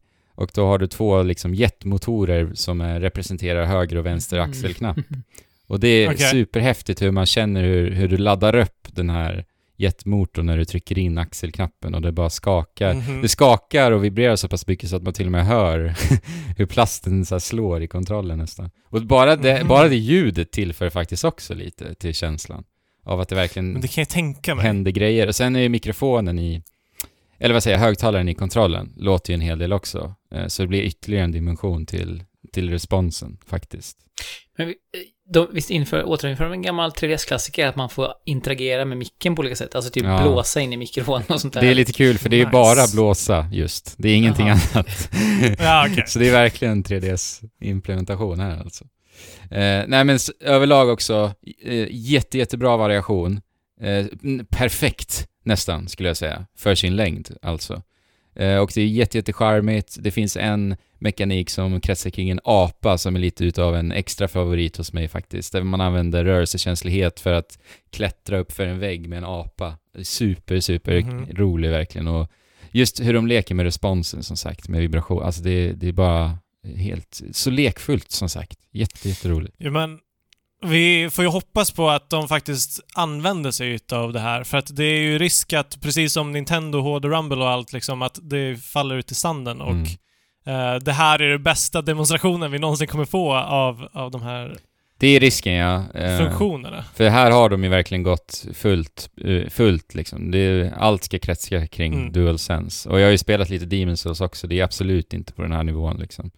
Eh, så att eh, det tillför ju verkligen till vad de gör med Astrobot. Eh, sen är det ju också överlag, spelet i sig är väldigt mycket så kärlek till Playstations historia. Det är robotar som så cosplayar olika ikoniska Playstation-karaktärer. Så det, vid en, ett litet segment så såg man eh, fyra stycken robotar sitta och spela PSP med Monster Hunter-röstning liksom. Eh, gri Mm. grillade en liten köttbit i mitten Sweet. vid en lägereld, superhärligt. Eh, jag skulle säga att Rescue Mission är ett bättre spel överlag. Eh, men jag tycker ändå att det de gör här är bara, att få det liksom kostnadsfritt eh, och med så mycket lek och charm är ändå helt underbart alltså. Och som sagt, du kan bara hoppa in så fort du startar konsolen. Ehm, Men sen reagerade jag också lite på en sak så här, när jag spelar ehm, Playroom nu, så önskar jag faktiskt lite att Astro var lite mer versatil. För han har egentligen bara ett hopp och sen så trycker en gång till på hopp så har han lite så jetmotor så att du nästan svävar. Lite så Peach-aktigt nästan, att du kan sväva med honom. Ja, okej. Eh, Jag önskar lite mer rörelsemönster faktiskt för att i det här spelet så upplever jag att det är, blir lite mer traditionellt 3D-plattformare än vad Rescue Mission var. För att Rescue Mission är ju så mycket eh, med VR-headset att göra och så vidare. Eh, och där känner man att just VR-implementationen var ett så stort fokus. Att Mm. det tillförde så mycket och kommer så mycket. Men i det här spelet, när det är mer traditionellt, får jag bara avsluta det här? Eh, när det är mer traditionellt så saknar jag mer rörelse, rörlighet och versatilitet. Mm. Mm. För att jag, jag förstår verkligen så här hur Nintendo tänkte liksom exempelvis när de skapade Super Mario 64 back in the days. Att så här, okej, vi ska ta oss ändå rätt långa sträckor. Hur ska det vara kul på vägen? Eh, att Mm. bara hålla spaken rakt fram, ja, vi kan vi hoppa. Ja, men då inför vi Ja. såklart ett trippelhopp. Vi inför såklart ett långhopp, så vi kan leka Ja, på precis. vägen. och, det, Exakt. och det upplever jag faktiskt lite i det här spelet, att jag känner inte att jag kan, kan vara uttrycksfull och leka på vägen eh, i, i det här spelet riktigt. Så att det, jag saknar nog den biten lite i det här. Ja, det är ju ganska viktigt. Mm. Eh, men eh, ja, det låter ju som att det är riktigt nice för vad det är. Ändå. Ja, jag tyckte verkligen om det här spelet. Jag vill bara ha mer Astrobot. Det är det jag kände när jag var klar med det. Och jag får väl hoppas att det kommer mer. Nice. Ja, det verkar inte omöjligt. Det verkar som att Astrobot är bättre än deras eh, maskot som de försöker eh, forcera på eh, oss med Sackboy. Jag tänkte Mm. säga det, det känns ju som att Astrobot nästan är eh, maskoten som de aldrig riktigt har haft. Ge mig! Mm. Jag vill, jag vill. Jag gillar Astrobot. Ja. Förlåt, hörni. Jag gick lite över tid alltså. Nu är det du som ska välja, så att... Eh, men då tar vi eh, Tetris Effect. Ja, alltså, det här kommer nog inte dra ut över tiden, eh, tror jag. Eh, men, eh, för att vi har ju pratat om det här tre gånger, eller två gånger. Det här är tredje gången vi pratar om det, tror jag. Eh, kan vara så att det är fjärde gången. Eh, jag vill bara säga att jag har spelat Tetris Effect. Eh, och det, det är ett spel som du liksom inte kan... Du kan inte bli övertygad om, av ord. Av hur bra det här spelet är. Alltså du måste... Det, det, det är en upplevelse som du själv måste sätta dig in i för att förstå storheten med det. Eh, jag älskar ju Tetris, jag blev jätteintresserad av eh, vad Jesper och, och Andrew sa jo, om det här spelet. Och ändå så, här, så är det mindblow ja. när, eh, när man spelar det. det. Det det är någonting alldeles unikt. Ja. Alldeles unikt. Och det spelar ingen roll hur mycket jag, jag säger så här. S- Som sagt, ord kan inte övertyga en om vad det här är för typ av upplevelse som det faktiskt är. Det är en upplevelse. Mm. Det har ju... Som, det, det är ungefär som att försöka beskriva en, en, en ny smak för någon Precis. på något sätt. Mm. Ja, men det har ju, det är ju ljudet, mekaniken, eh, det visuella och dina liksom känslor i, i ett paket. Allt är sammankopplat, som de säger. Verkligen. Eh, som huvudtemat också heter i Tetris Tetris Effect Connected. Eh, It's All Connected. Och det är det som är grejen. Alltså du, du får ju, du får ju nu i bästa fall en bra bild av spelet, men det är ju din hörsel du, du kopplar på. Sen ska du koppla på alla Mm. dina andra sinnen och, och då får du hela bilden av vad Tetris Effect är. Ja, exakt. Eh, och det här är den ultimata versionen också, som man kan spela tillsammans i Connected, som vi inte har gjort än. Det har vi inte gjort än och det ska vi ta oss för att göra. Men Mm. så att jag vill bara så här eh, uppmana alla som har Xbox Game Pass eh, eller alla som älskar Tetris att köpa det här spelet eller eh, spela det här spelet. Sätta på dig, vad du än gör, släpp det, sätt på dig hörlurarna, spela Tetris Effect. Nej, okej, inte vad du än gör. Du, du ska känna att det är liksom läge för det och att du kan liksom supas in i eh, en annan värld eh, för ett tag. Men alltså, är det någonting du ska göra under julledigheten och du har möjlighet att göra det, så är det det här. Ja, det är magi alltså. Eh, vi vi Magi. måste ju spela det här nu under jul tillsammans. Coop-läget. Det. Det var bara det. Och Det få, var bara det. klar, har du spelat slut sönder samman på Tetris Effect Connected så kan du också passa på om du har eh, tillgång till en Xbox och spela Every Extend Extra Extreme som jag upptäckte jag hade låg kvar på min gamla Xbox. Oj! Nice. Och eh, kan bara hoppa rakt in i. Eh, som är ett liknande spel i just form av meditativ eh, meditativ eh, kvalitet. Visst var det häftigt Jesper, ändå? Att gå in till My Library och sen så bara, ja, Boom, där är det bara. ja. Symphony Ja, of the Night, fantastiskt. Every Extend Extra Extreme och så vidare. Nej, det var mäktigt. Det var ändå, det är typ 15 år sedan nästan Ja. jag spelade det spelet eller någonting sånt. Så bara, du äger det här spelet? Bara, gör jag? liksom. Ja, Jo men alltså, när, om, när de gör så här så kommer ju liksom eh, tillbaka bakåt kombatil, ba- blä, bakåtkompatibiliteten verkligen till sin rätt. Att så här, du har allting bara. Mm, Och det är så, det, det är taget till den moderna tiden. mm. Du har ditt bibliotek. En sak som är så Ja. fruktansvärt coolt ändå, eh, som jag såg här i veckan en liten YouTube-video på, det är att eh, du kan spela flerspelarspel om en sitter på en Xbox, alltså Xbox, original Xbox, en sitter på Nej. en Xbox 360, en på en Xbox One och en på en Series X. Och ni kan spela ihop. Nej, Jo, det är ju galenskaper. ja, det är faktiskt helt... Oh my god. fyra Ja generationer. men kudos till Microsoft alltså. Ja, All kudos till Microsoft. riktigt coolt faktiskt. Eh, nu när vi har varit i denna mörka period, idag när vi spelar in är det faktiskt uh, vinterstilleståndet, eller vad heter det? Vintersolståndet. Winter solstice. Ja. Uh, solståndet ja. Eh, så att nu från och med idag när vi spelar in så går det mot ljusare tider. Eh, Bedrövligt. och fantastiskt, eh, måste jag säga. Men eh, Andrew, du har redan varit i ljusare tider på en tropisk ö och utforskat Ja, just det. lite, löst lite mysterier i Call of the Sea. Återigen ett Xbox Game Pass-spel. Mycket Ja. Game Pass idag. Det är ju Man kan nästan tro att vi har blivit eh, eh, serverade det mesta av Microsoft inför den här Ja, konsolgenerationen. det kan man ju faktiskt tro. inför julbordet. Det är Ja. de bidrar Ja. med maten alltså. Ja, de, ja, precis. I alla fall hälften av Ja. rätterna står ju Microsoft för i form av Game Pass. ja, men exakt. Eh, precis. Jag spelar Call of the Sea. Det här givs ju ut utav Raw Fury, svenska utgivarna va? Eh, och det är ett debutspel från en spansk eh, spelstudio, Out of the Blue, visst var det så de hette va? Ja, ja. Och Madrid. Ja, men det här är då ett, ett eh, pusselspel eh, med ett mysterium att lösa. Eh, och det handlar då om den 40-årige protagonisten vi spelar, 40-årig medelålders kvinna, som lider utav någon märklig hudsjukdom till synes då. Och sen så, Mhm. hennes man har åkt iväg på en expedition till en ö i Tahiti för att typ ta rätt på eh, vad den här ursprunget typ till den här mystiska sjukdomen som verkar gå i familjen också. Mm, just det. Eh, men sen så återkommer inte han eh, och då bestämmer hon sig för att eh, leta rätt på både honom men också då ta upp eh, och lösa mysteriet kring sjukdomen. Eh, så då tar vi oss till en, en tropisk superfin ö, det är väldigt fin grafik, det är stilistiskt, påminner nästan lite om så här Sea of Thieves men kanske inte riktigt lika. Lika samma fingertoppskänsla riktigt men lite åt det hållet. Eh, och det är ju då som sagt pusselfokuserat så man befinner sig i li- liksom större områden, det är indelat i kapitel.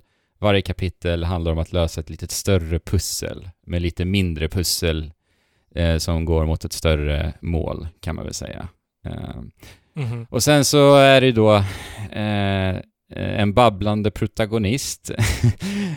så att det är väldigt mycket eh, Gone Home, Walking Simulator-eskt också på det sättet att det handlar om att liksom scanna av områden och läsa på saker och ting och erhålla information om att komma åt liksom lösningen på pusslet. Och saken är ju den Precis. att den här protagonisten pratar så in i Norden mycket. Eh, Okej. och det stör jag mig nog fruktansvärt på, för att så fort jag interagerar med ett föremål i stort sett, så bara börjar hon babbla. Och hon avslöjar alltså information om föremål och eh, lappar och saker och ting jag läser på innan jag ens har läst. Eh, och det tycker jag Ja, okej. tar bort väldigt mycket av spelet för att det, det, det hon kommenterar på är saker som, som jag som spelare gärna hade själv velat upptäcka. Eh, tycker jag. Men är det, är det typ så pusselförstörande eh, information som du får? Delvis, Eller- delvis i och med att det handlar om att liksom sätta ihop alla pusseldelar. Så att ja, det får jag väl ändå säga. Och sen så är det dessutom så att hon antecknar ju gåtor och saker i journalen utifrån föremål du interagerar med. Så hon har en liten journal med sig. Och den här journalen är också väldigt, väldigt eh, avslöjande. Ut- avslöjande. Ja, avslöjande. Eh, och det handlar väldigt mycket i pussl- pusslandet att du ska liksom plocka upp journalen eh, och läsa igenom för att liksom eh, lista ut gåtor och lösa pussel. Så att det liksom känns som att både delen av att hon pratar så otroligt mycket med den och att hon liksom antecknar allting så blir det som att jag dras ut ur att omfamna omgivningen och liksom okay. Ja. struntar i den delen av, av spelet och pusslandet och istället kollar i journalen och ja, jag får ju liksom höra hennes babbel konstant. Så jag tycker att det är väldigt märkligt designval sett till kontexten av vad det faktiskt är. Att vi befinner oss på en väldigt fin ö också dessutom, men jag dras ständigt ut ur miljön. Eh, Så jag har stora problem faktiskt med just hur de har hanterat pusseldesignen. Och det gör ju att pusseldesignen blir Ja, väldigt enkel. konstigt. Alltså jag har inte haft Ja. några problem alls med några utav pusslerna än så länge. Jag har klarat två, typ två och en halv kapitel ungefär. Och jag har stört mig på det så pass mycket att jag är faktiskt inte sugen på att ta upp det igen, alls. Eh, Nej, alltså det är ju väldigt konstigt att liksom ge, i princip ge eh, lösningar till pussel. Mm. När det är ett pusselspel. Det är ungefär som att eh, någon skulle bara n- besegra din boss automatiskt i ett actionspel. Ja men det känns lite så. Men typ i början då kände jag lite så här, ja ah, men vad mysigt ändå att höra hennes tankar lite och sådär. Sen började jag inse hur mycket det bara är invävt, eller det känns så speligt, det är det jag vill säga. Mm. Så här, I början tyckte jag att det var en, en mysig narrativ bit av det. Men sen helt plötsligt inser jag att så ja men det handlar ju om att hon bara ska hjälpa mig som spelare egentligen. Men du känner inte att den liksom överhängande plotten är någonting som drar tillräckligt mycket alltså? Det här... Eh, s- För, för det känns ju lite, eh, lite typ... Eh, vad heter han? Ja men det, det är ett mysterium med någonting som kommer hända. Nej men jag tycker att det här, eh, det här skuggar, överskuggar för mycket, så jag blir inte... Okej. Jag blir inte engagerad nog, tyvärr. Eh, och sen så är det ju, som jag sa, det är lite walking simulator-eskt va? Så att det handlar ju om att Mm. scanna områden och jag tycker också det finns en viss otydlighet i vad du kan interagera med och inte. Eh, jag, jag känner mig nästan som min hund när jag är ute på promenad med min hund. när han- går och doftar i gräset efter goda dofter liksom. Det är lite den dammsugarkänslan när man bara skannar av allting. Man letar egentligen efter att det ska dyka upp en ikon. Det här kan du interagera med. Ja, Så, ja. det låter inte som någon höjdare. Men jag har hört många som tycker om På det, det så att jag vet inte. Det, det är väl... Um, berättandet har väl kanske något, men det övriga för mig håller mig inte kvar tyvärr. Nej. Alright. Mm. Uh, men uh, om- än en gång då Xbox Game Pass så kan du göra din egen uppfattning. Ja. Mm. För uh, då är det bara att ladda ner det och börja spela. Det ligger ju Uh, tre saker kvar på vårt julbord här, men frågan är om Ja. två av dem är sånt som någon har nafsat lite på och lagt tillbaka, sånt som man inte ska, ska äta upp, men det, eller beror, ju- det beror ju på uh, om, uh, om vi har plats kvar i magen. om vi har plats kvar i magen. Det är också lite sådana, vi det är också lite sådana maträtter som så här, man vet inte riktigt vad man får. Eh, Det, det ser inte gott ut riktigt, men det ser Nej. heller inte riktigt så här eh, äckligt ut. Ja, Nej. Nej. Men någonting nytt. ja men precis. Ja, så man vet inte. Det är konstigt. Det är inte så traditionellt som det brukar vara på julbord, alltid. Nej, Nej. det kanske är den där veganska rätten liksom som, just det. eh, som, eh, alltså typ vegansk sill eller någonting som man aldrig har testat förut. Mm. Mm. Som, men som ändå är så här, ja men det där skulle jag ändå vilja. Ja, men... Vad ska vi prova att eh, smaka på då? Ja, vi... Men ni får, ni får bestämma vad vi, vad Men vi jag är lite nyfiken på det här faktiskt. Så jag hoppar in och äter en liten bit utav Moonlighter. Ah ja. Moonlighter. Ja men eh, det här är ju egentligen ingenting som är någonting nytt eller esoteriskt eller någonting konstigt överhuvudtaget. För att det är ett väldigt, väldigt traditionellt spel eh, som utvecklarna har eh, gjort en uh, härlig liten twist på. Det här är alltså Moonlighter. Eh, det är Dungeon crawling alla liksom Zelda till NES. uh, eh, som har inspirerat många spel. Uh, och ja, det här är ju uppenbarligen ett av dem. I, I de här fyrkantiga rummen och ändlösa grottorna så möter vi på massa monster och så måste du så måste du dräpa de här monstren för att kunna fortsätta och eh, gå ännu djupare in i grottorna och till slut hitta en boss och så vidare. Och alla de här alla de här fienderna, när du besegrar dem, droppar items. Eh, och det blir en hel massa items. Och vad ska vi göra med dem? Ja, i vanlig ordning så, så använder vi dem för att liksom uppgradera vårt gear och så vidare. Eh, göra oss starkare så att vi kan gå ännu djupare in i grottorna eh, utan att dö. Mm. Och, Eh, men det vi också gör är att vi har en butik, så att på dagarna så kan vi öppna butiken och ställa ut de här sakerna som vi har, som vi har fått från monstren till försäljning. Och då kommer massa andra äventyrare in och köper dem om du har satt ett godtyckligt pris på det. Eh, Eller ett pris som de accepterar liksom. Så att du får välja själv priset på eh, de varorna som du vill sälja för att få mer pengar eh, som gör att du kan uppgradera din gear och komma längre in och få nya eh, material att sälja och uppgradera dina vapen med. Helt enkelt. eh, och det här är en game loop som alltså, det, den är ju perfekt för mig. Mm. Den är alldeles perfekt för mig. Eh, för du ser, det är lite, lite den här cookie clicker grejen att det liksom bara växer och växer och blir mer och mer. Eh, och när du liksom, som sagt, du får välja priset själv på alla varor och eh, och om du har fått massa varor som, som du har ställt ut och du liksom har antecknat priset. För att det är väldigt lättillgängligt. att Du har en bok med eh, där alla varor finns, eller alla material finns och så här, det här priset tyckte de om, det här priset tyckte de inte om, det här priset blev de överlyckliga för att titta. Så här, score. Det här var ett sjukt bra pris. Eh, den här killen måste vara dum i huvudet som säljer det här till det här låga priset. För det kan ju vara så att du säljer någonting, något nytt som du aldrig har hittat förut eh, för typ 500 guld. Men tänk om den var värd 5000 guld? Du vet ju inte. Så att det måste du liksom utforska. Eh, allt eftersom att du hittar nya material, vilket jag gillar. Eh, och sen, när du, om du dör i grottan så, så förlorar du alla material som du har samlat på dig i din väska. Eh, du, du behåller typ, vad är det, fem material som, som ligger i din hand eller något. Eh, som inte är i din väska. Men allt annat, allt annat försvinner, så att det blir en eh, väldigt nice risk and, risk and reward eh, övervägning när det är så här, ah, nu har jag fått nytt material, men ska jag ta ett rum till? Det kanske finns en kista, jag kanske kan få lite till liksom. Mm, det. Eh, och det har hänt många gånger att jag bara dött med massa material. Jag bara, nej!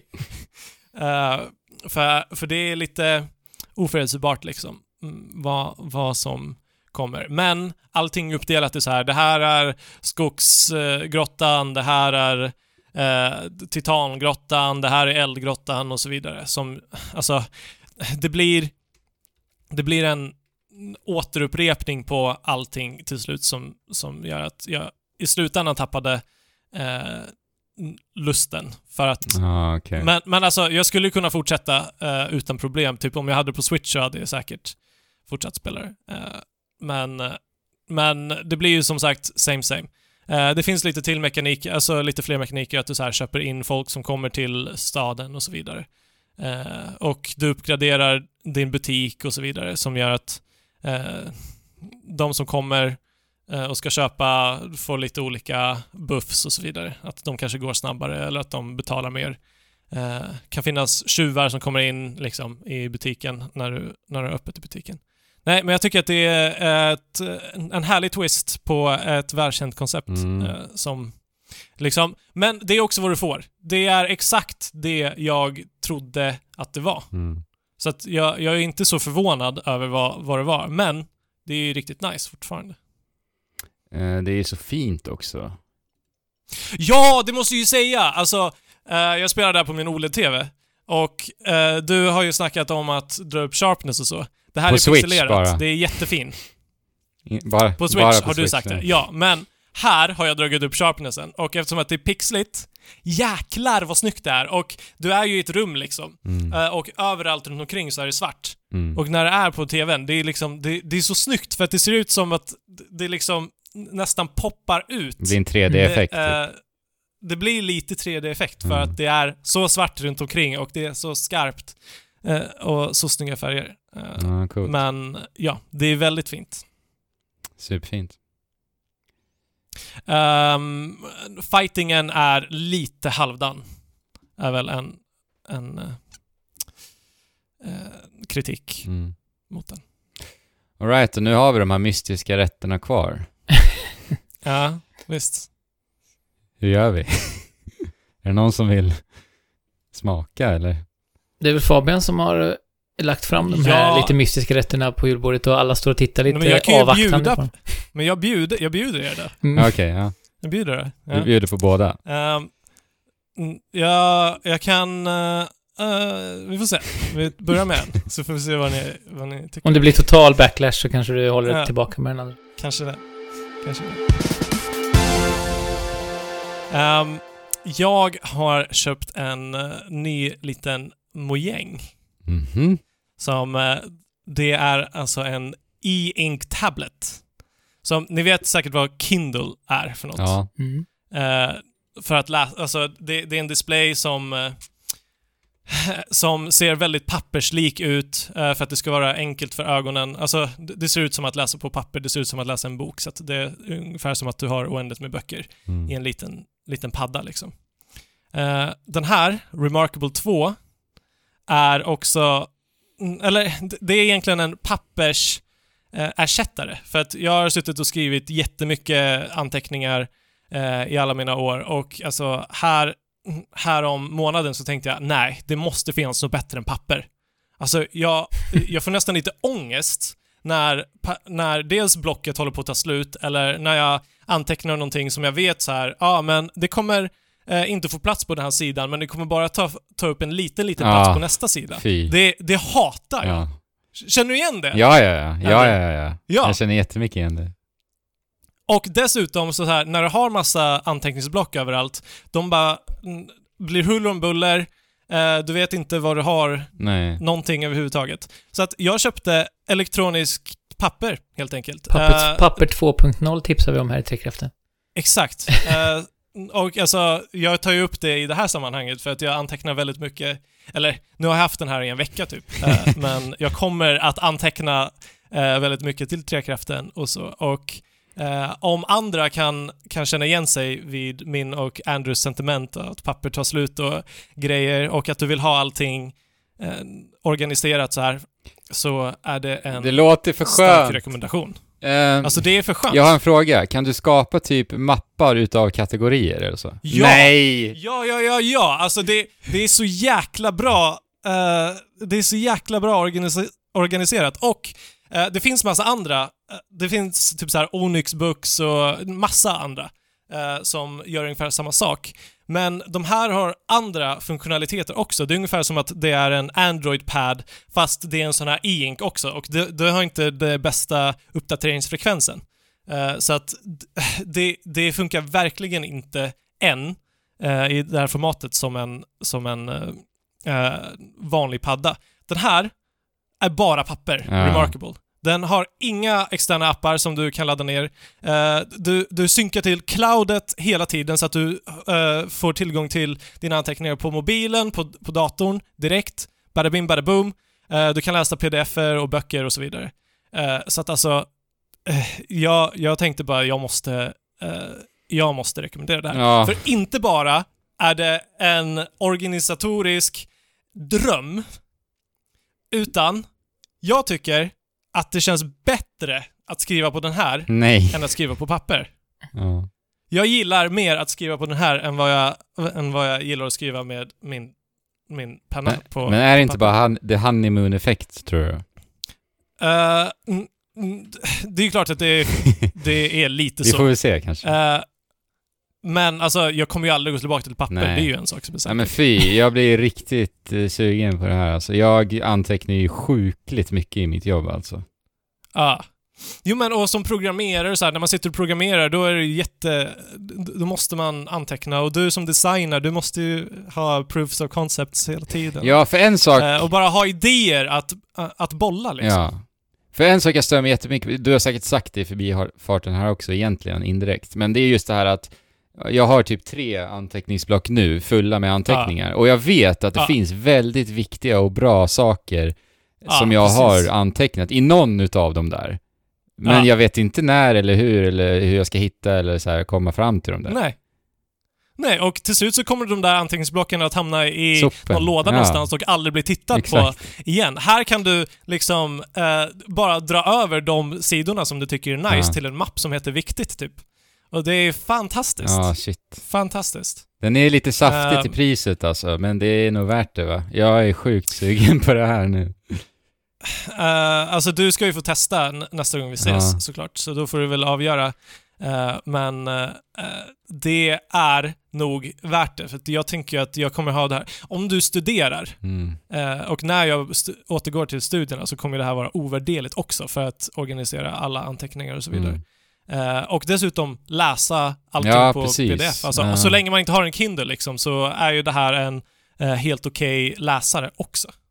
Ja, Men alltså, och, ah, och den har massa olika papper och massa olika pennor och så vidare som gör att det liksom är amazing. ja, coolt. Men du, eh, du sa att du aldrig kommer gå, till, gå, gå tillbaka till papper. Mm. Kan man kombinera, om man tänker så här, om man tar med den till toaletten så brukar man ju ha liksom smartphones och sådana saker med sig. för att liksom eh, underhålla sig lite grann när man är på toa. Kan du liksom använda den här både som papper och som skärm då? Eller hur kommer det funka? Eller kommer du att tvingas använda det papper i den situationen? Nej, Då, den, där är jag ju fortfarande tvungen att använda Just papper eller bidé eventuellt. Mm. Eh, så, Men det kanske kommer en dag en app som eh, på något sätt eh, ljudmässigt kan eh, Vibrera bort, bort. alla... eller hur? Ja. Nå, någon så här ultraljudsvibrationer som Ja. bara vibrerar bort allt. Man kan, Så en dag det funkar ju smuts. faktiskt, man kan ju tvätta eller rengöra smycken med vibrationer. Ja, Mm. precis. Juveler, så att säga. Mm. Ja, Mm. juvel. Rengöra juvelerna. Ja. Mm. Precis. Ja. Men, så att, eh, den, är eh, inte, den är inte värd att, att fundera över kring den här paddan om man är ute efter en ersättning för sitt toalettpapper, utan mer bara Nej, sitt utan eh, mer, anteckningspapper. Exakt, exakt. Bra att du förtydligar det här Jesper, så att ingen, Jag tror många satt och lägger kliade sig alldeles i för mycket huvudet. pengar på. Ja, det är ingen som har hört, ingen lägger så mycket pengar ingen på. har ens lyssnat på vad vi egentligen har sagt nu. De har bara Va? funderat över det. Nej. exakt. Och Så nu kan ni spola tillbaka och vara säkra på att det var inte det vi menade. Bra. Tack.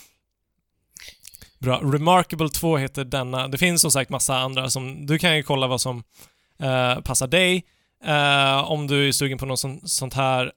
Eh, det här är enligt mina efterforskningar det som ska mest likna papper och vara mest fokuserad i sin funktionalitet. Vet, vet ni mer Nej. vad, förresten, vad lyssnarna också tänker på? Och har gjort det i hela avsnittet? Vad är det? Det är, men de sa ju i förra avsnittet att de skulle prata om, om Keanu Reeves.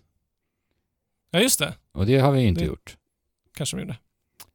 Eh, så att det blev inget cyberpunk. Eh, ja.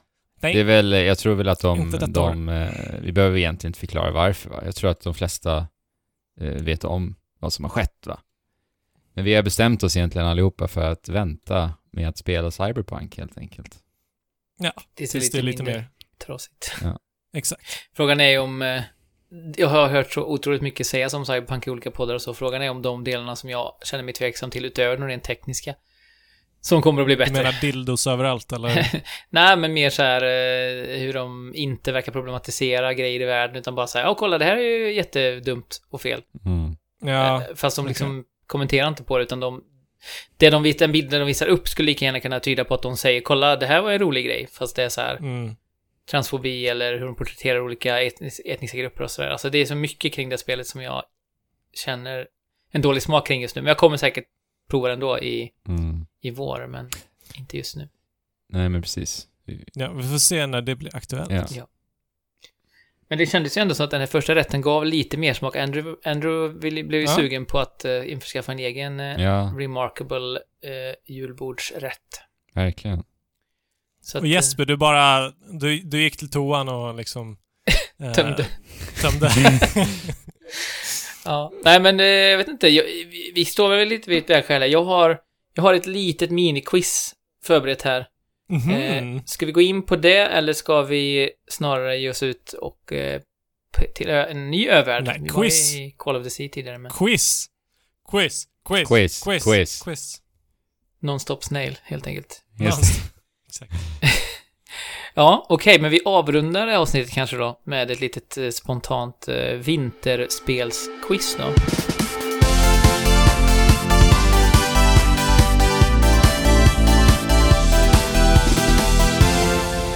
Det finns bara tre frågor. eh, Så att eh, det kan inte bli oavgjort. Eh. Men vi kör alla, alla tre frågor oavsett. Så att det potentiellt kan bli förnedring åt ett eller annat håll också. Ja. Det är ju det, är, det, är Det det, man bli. längtar efter så här i juletid. Ja, nu har jag ångest, eh, så att jag kommer inte klara det här. så Ja. bra, men nu kör vi. Det är eh, så att eh, ni får varsin möjlighet att svara, en chans var. Okej. Och eh, när ni ska svara då eh, så får ni säga ert namn och då får ni ordet om mig. Ja. Första frågan lyder så här. Hur många grenar finns det i Ski or Die till NES? Andrew, Mm, sex. Andrew? Det är fel tyvärr, Andrew. Jag får inte minuspoäng va? Nej, Nej. ni får chansa. Nej. En gång bara. Eh, ingen aning. Ska jag gissa? Ja, det får du göra. Det är ju en siffra liksom. Ja, men eh, jag säger väl... Uh, nio. Du sa Nej. nio, va? Ja, jag sa nio. Fem! Fem, Uh. så det är väldigt, väldigt, Okej. väldigt nära ändå. Ja, det är nära. ändå. Mm. Eh, Och om man är nyfiken på Ingen vilka aning. grenar det rör sig om eh, så kan jag tala om att det är bland annat snöbollskastning, det är halfpipe Ah. snowboard, man åker på sån här eh, uppblåsbar eh, släde eller typ sån här eh, tu- tube heter det, ni vet sån här ring typ. Mm. Ja, just det. Eh, aerial skiing, alltså tricks med skidor i luften eh, och eh, slalom helt enkelt. Jäklar. Ett Ja, klassiskt jag spel. kanske har kört det någon gång, men... Mm. Skate or Die uppföljare tror jag, eller jag tror att det kommer efter Skate or Die. EA va? Okej. Ja, det måste det väl vara. Ja, det är det. Mm, tror det. Ja. Nu kan det bli avgjort däremot. Mm. Det kan det faktiskt. Den glitchen hade jag inte tänkt på, men det gör ingenting. Då får vi dela i så fall. Eh, Okej, nästa fråga. Då, den lyder så här. Vad heter den, eh, den nordligaste berget i Hebra-regionen i Breath of the Wild? I Hebra. Oj. Mm. Va? I vinterregionen alltså. I Ah, shit Vad heter den? alltså. I Heb ja, men Hebra. Shit, vad hette... Nej, jag vet faktiskt inte. Nej, men... Jag vet inte. Ni har eh, del av svaret i frågan. Fabian. He Hebra Pick. Nej, men du är nosar. Mm. Ah, damn. Hebra, Hebra Mountain. Hebra North Summit ligger längst norrut i, Ah. i eh, världen, om man kollar efter berg Just då. det. Just det. Sen finns det eh, Foothill någonting, vad det heter. Men det, ligger, det ligger ju längre ner rent topografiskt. Mm. Ja. Ja, okej, då kommer ni till finalfrågan här då. Och den här frågan vet jag att ni kan. Den här- Så det kommer jag faktiskt avgöra det här, beroende på vem som är, Snabbast. kan vara snabbast här då. Okej. Och eh, det gäller också, så man får inte säga sitt namn och sen, sen vänta 10 sekunder på svaret, utan man måste ju Bam, direkt när man har sagt sitt namn svara. Ja. Okej, sjung valfri temalåt från en vinterbana i ett Andrew. spel. Andrew? Eh, eh, det... Fla! Jag fick... Nej, nej, nej. Det här är inte godkänt. Det här är inte godkänt. Fabian, varsågod och ta hem segern här om du kan en, en temalåt, en vinterlåt. Ehm, alltså, nu, jag har jätte... alltså, vad fan? Jag kom på nu. Ja, varsågod. Det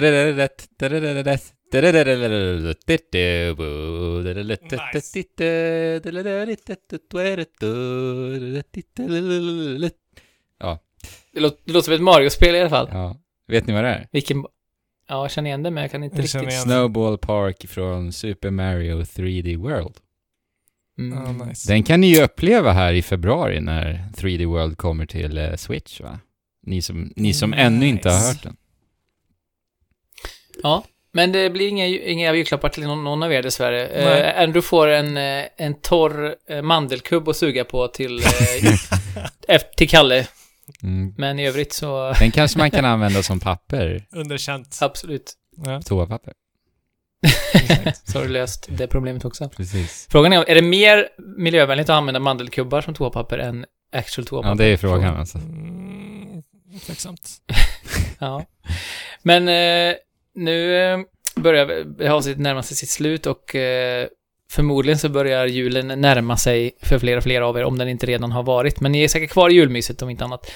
Ja. Så vi kan väl skicka med en liten bild av hur det kommer se ut för oss eh, under julledigheten här med eh, i en spelkontext. Hur kommer det se ut Ja. med julmys och spel? Eh, Jag kommer ju såklart eh, grotta ner mig i Playstation 5. Jag har ju äntligen fått den som sagt. Eh, så jag ska ju spela då Demons Souls. Jag har ju börjat också nu va. Jag har spelat drygt en timme. Nice. Och eh, ja, jag är superpeppad på att fortsätta alltså. Eh, så det är väl det som kommer få mest fokus. Men nu har jag ju, jag kommer ju vara ledig ganska mycket här nu. Och eh, den här ledigheten har jag bestämt mig för att jag ska eh, stänga av min hjärna. Så att jag kommer nog spela en hel del faktiskt. Eh, så jag vet inte vad det blir efter det. Men kanske The Pathless. Någonting på Playstation 5 tror jag det blir i alla fall. Miles Morales Mhm. eventuellt kanske, får vi se. Eh, sen kommer Det jag... ju- utspelar sig också under julen, Ja, Miles Morales precis. i, i New York. Men sen eh, kommer det såklart bli Super Smash Bros med Sephiroth här också. Ja. En hel del. Och! Ska du ha Hallå, vi ska spela Gears 5 Hivebusters, vi tre. Ja! Mm. Den här DLC som kom. Sweet. Och Tetris Connected. Och Tetris Connected. Sweet. Så det är min jul. Det ser vi Men- fram emot. Ska du inte ha några julsnacks? För det var ju en stor del i online också, att man fick berätta som Mm. inledning på hela alltihopa vad man satt och snacksade på. Det var ju diverse, väldigt olika, mycket härliga grejer Ja, verkligen. man fick höra. Alltså Eh, Jesper, ska- jag tror att det är någonting du inte vet om mig, men som Fabian är väl medveten om. Det är att jag är ju inte så Mm. mycket snacksmänniska. Men Eh, dryck då? Nej, inte det heller. Jag, jag gillar inte, alltså socker generellt eh, tycker jag inte om eh, i stort. Alltså, Andrew är en sån där tråkig renlevnadsmänniska som har rätt, men, men, men som eh, liksom, han kommer där med sin kakao, kokosolja, Ja. godis typ, med Mm. nötter. Precis. Nej, Ja, precis. jag- Eh, som är så här, ja det är gott, men... Men eh, så att mitt snacks är väl kanske det Fabian sa. Ja men lite, lite cashewnötter, lite honung, lite jordnötssmör, lite kakao, lite kokosolja. Så mixar vi ihop det här va? Supergott. Det, det är jättegott, men det frustrerande är att man kan liksom inte bli, bli arg på det. Även fast man gärna skulle vilja, för att-. För att jag kommer ju säga liksom det rena rama motsatsen och jag vet ju att det är fel.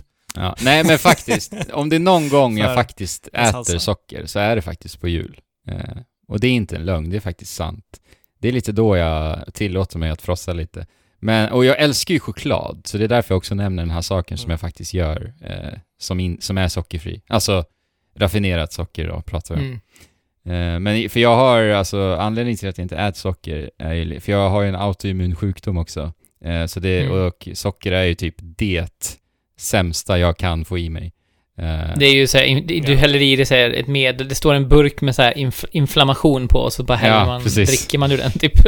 Om, man, om man äter socker. Och, och sen är det ju så här att när man inte äter socker, då blir du inte sugen på socker. Så att det, Nej, det ger verkligen den effekten. Så att, ja. Mm. Socker för mig är ingenting jag... I don't need it, helt enkelt. Du fest, festsockrar lite bara, Ja, exakt. ibland. Ja.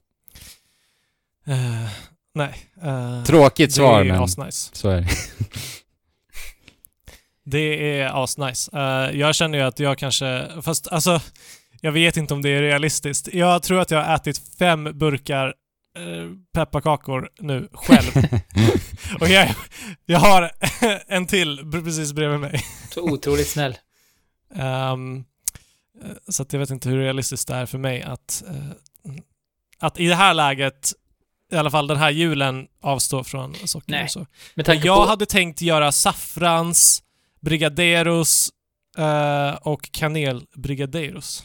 Är det något brasilianskt? Och brigadeiros är eh, eh, typ Brasiliens, Brasiliens kanske nationalgodis. Mhm. Eh, det är väldigt enkelt, det är typ cola-aktigt. Eh, jättegott, jättelätt eh, och nice att bara suga på och ha i munnen. Ja, det är så här kondenserad mjölk, säger jag. Just det. Ja, precis. Eh, som, som man kokar upp och sen så blir det cola-aktigt och så har du i vad du vill, Just det.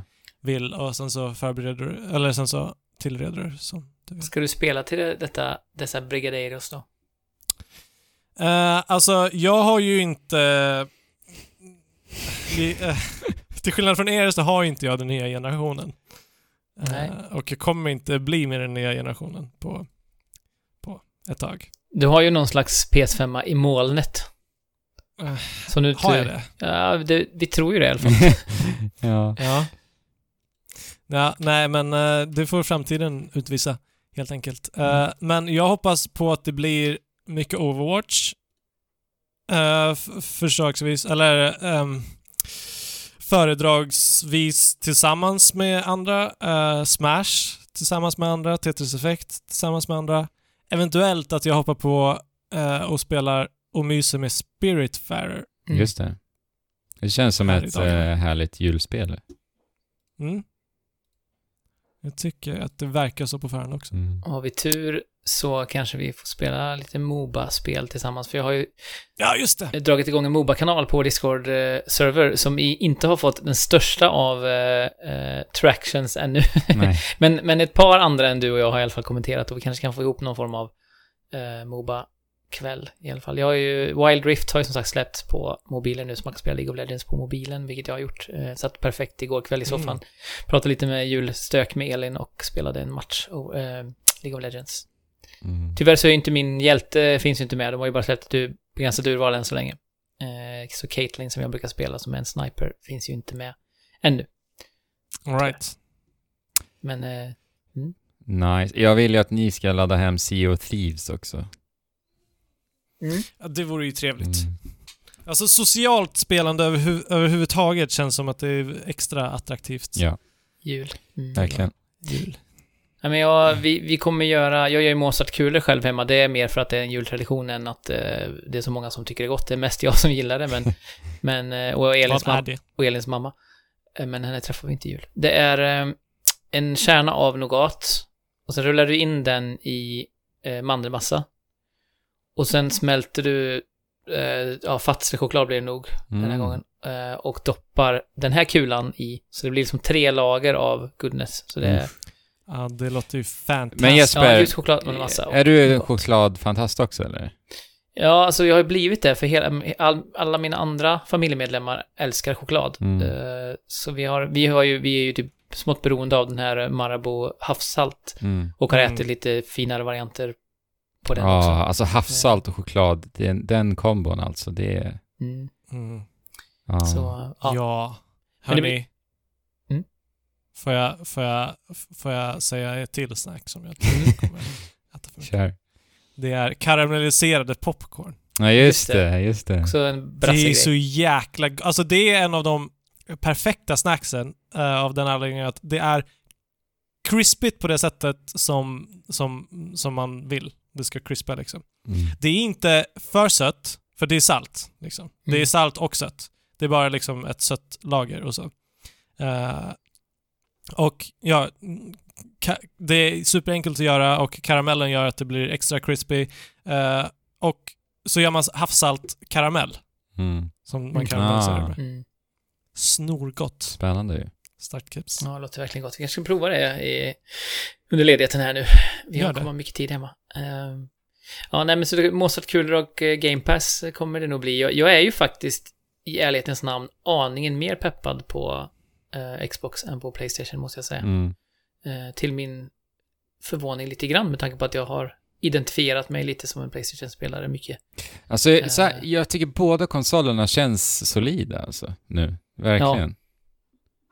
Det är härligt. Håller med. Sen är Dark Souls är jag ju väldigt sugen på med skräckblandad förtjusning såklart. Eh, Jag gillar ju verkligen, det har vi pratat om förut, för avsnittet sa ju du det ändå, att jag gillar ju verkligen den här genren på det sättet att jag tycker om svåra spel, Mm. där man måste liksom nöta och, och själv känna att man blir bättre och sådär. Och det, och det är också det här med hemligheterna och olika loot som är liksom svåråtkomliga och sånt tilltalar mig. Man, man hittar ett coolt svärd som verkligen gör skillnad. Mm. Eh, men det är ju den här tryckande stämningen som jag får kämpa emot. Så jag kanske får ha liksom eh, så här Rockin' Christmas eh, eh, spel, playlisten på. Spotify på högsta volym samtidigt som jag traskar runt i Tower of Lettering eller var, det ska någonstans. Eh, och se. Boletaria. Mm. Ja, men precis. Alltså Jesper, jag eh, ser fram emot ändå att du ska spela Demons Souls. Alltså, jag tänker att vi kan väl ha en dialog tillsammans, så kan jag hjälpa dig också på vägen, eller hur? Mm. Ja, men försök att göra det och inte prata alldeles för mycket, eller titta på internet. Ni kan ju försöka att snacka på. Skolgårdssnacket. precis. Mm. Försöka få igång skolgårdssnacket. Ja, och det är ju så, det här är ju då, ifall ni inte har märkt, eh, vårt julavsnitt. och eh, efter det här så kommer vi ha paus ett tag fram till eh, eh, vecka tre. Det vill säga, jag klickar, klickar, den 14 Januari, eh, januari tror jag vi sagt va? då är vi precis. tillbaka. Ja, då är vi tillbaka och då försöker vi helt enkelt köra full on Demon Souls avsnitt, eller åtminstone i alla fall till stor del prata om Demon Souls. Mm. Ehm, det beror ju också lite på hur det går för Fabinho med Playstation. PS5 kanske. Ja, Men Eh, ja. så ser väl planen ut i alla fall just nu. precis. Sen har vi, Vi kommer vi se. säkert komma med lite fler spelarintryck, va? Jag, jag är ändå riktigt peppad på Gears 5 och spela det mer alltså. Ja, det ska bli så nice!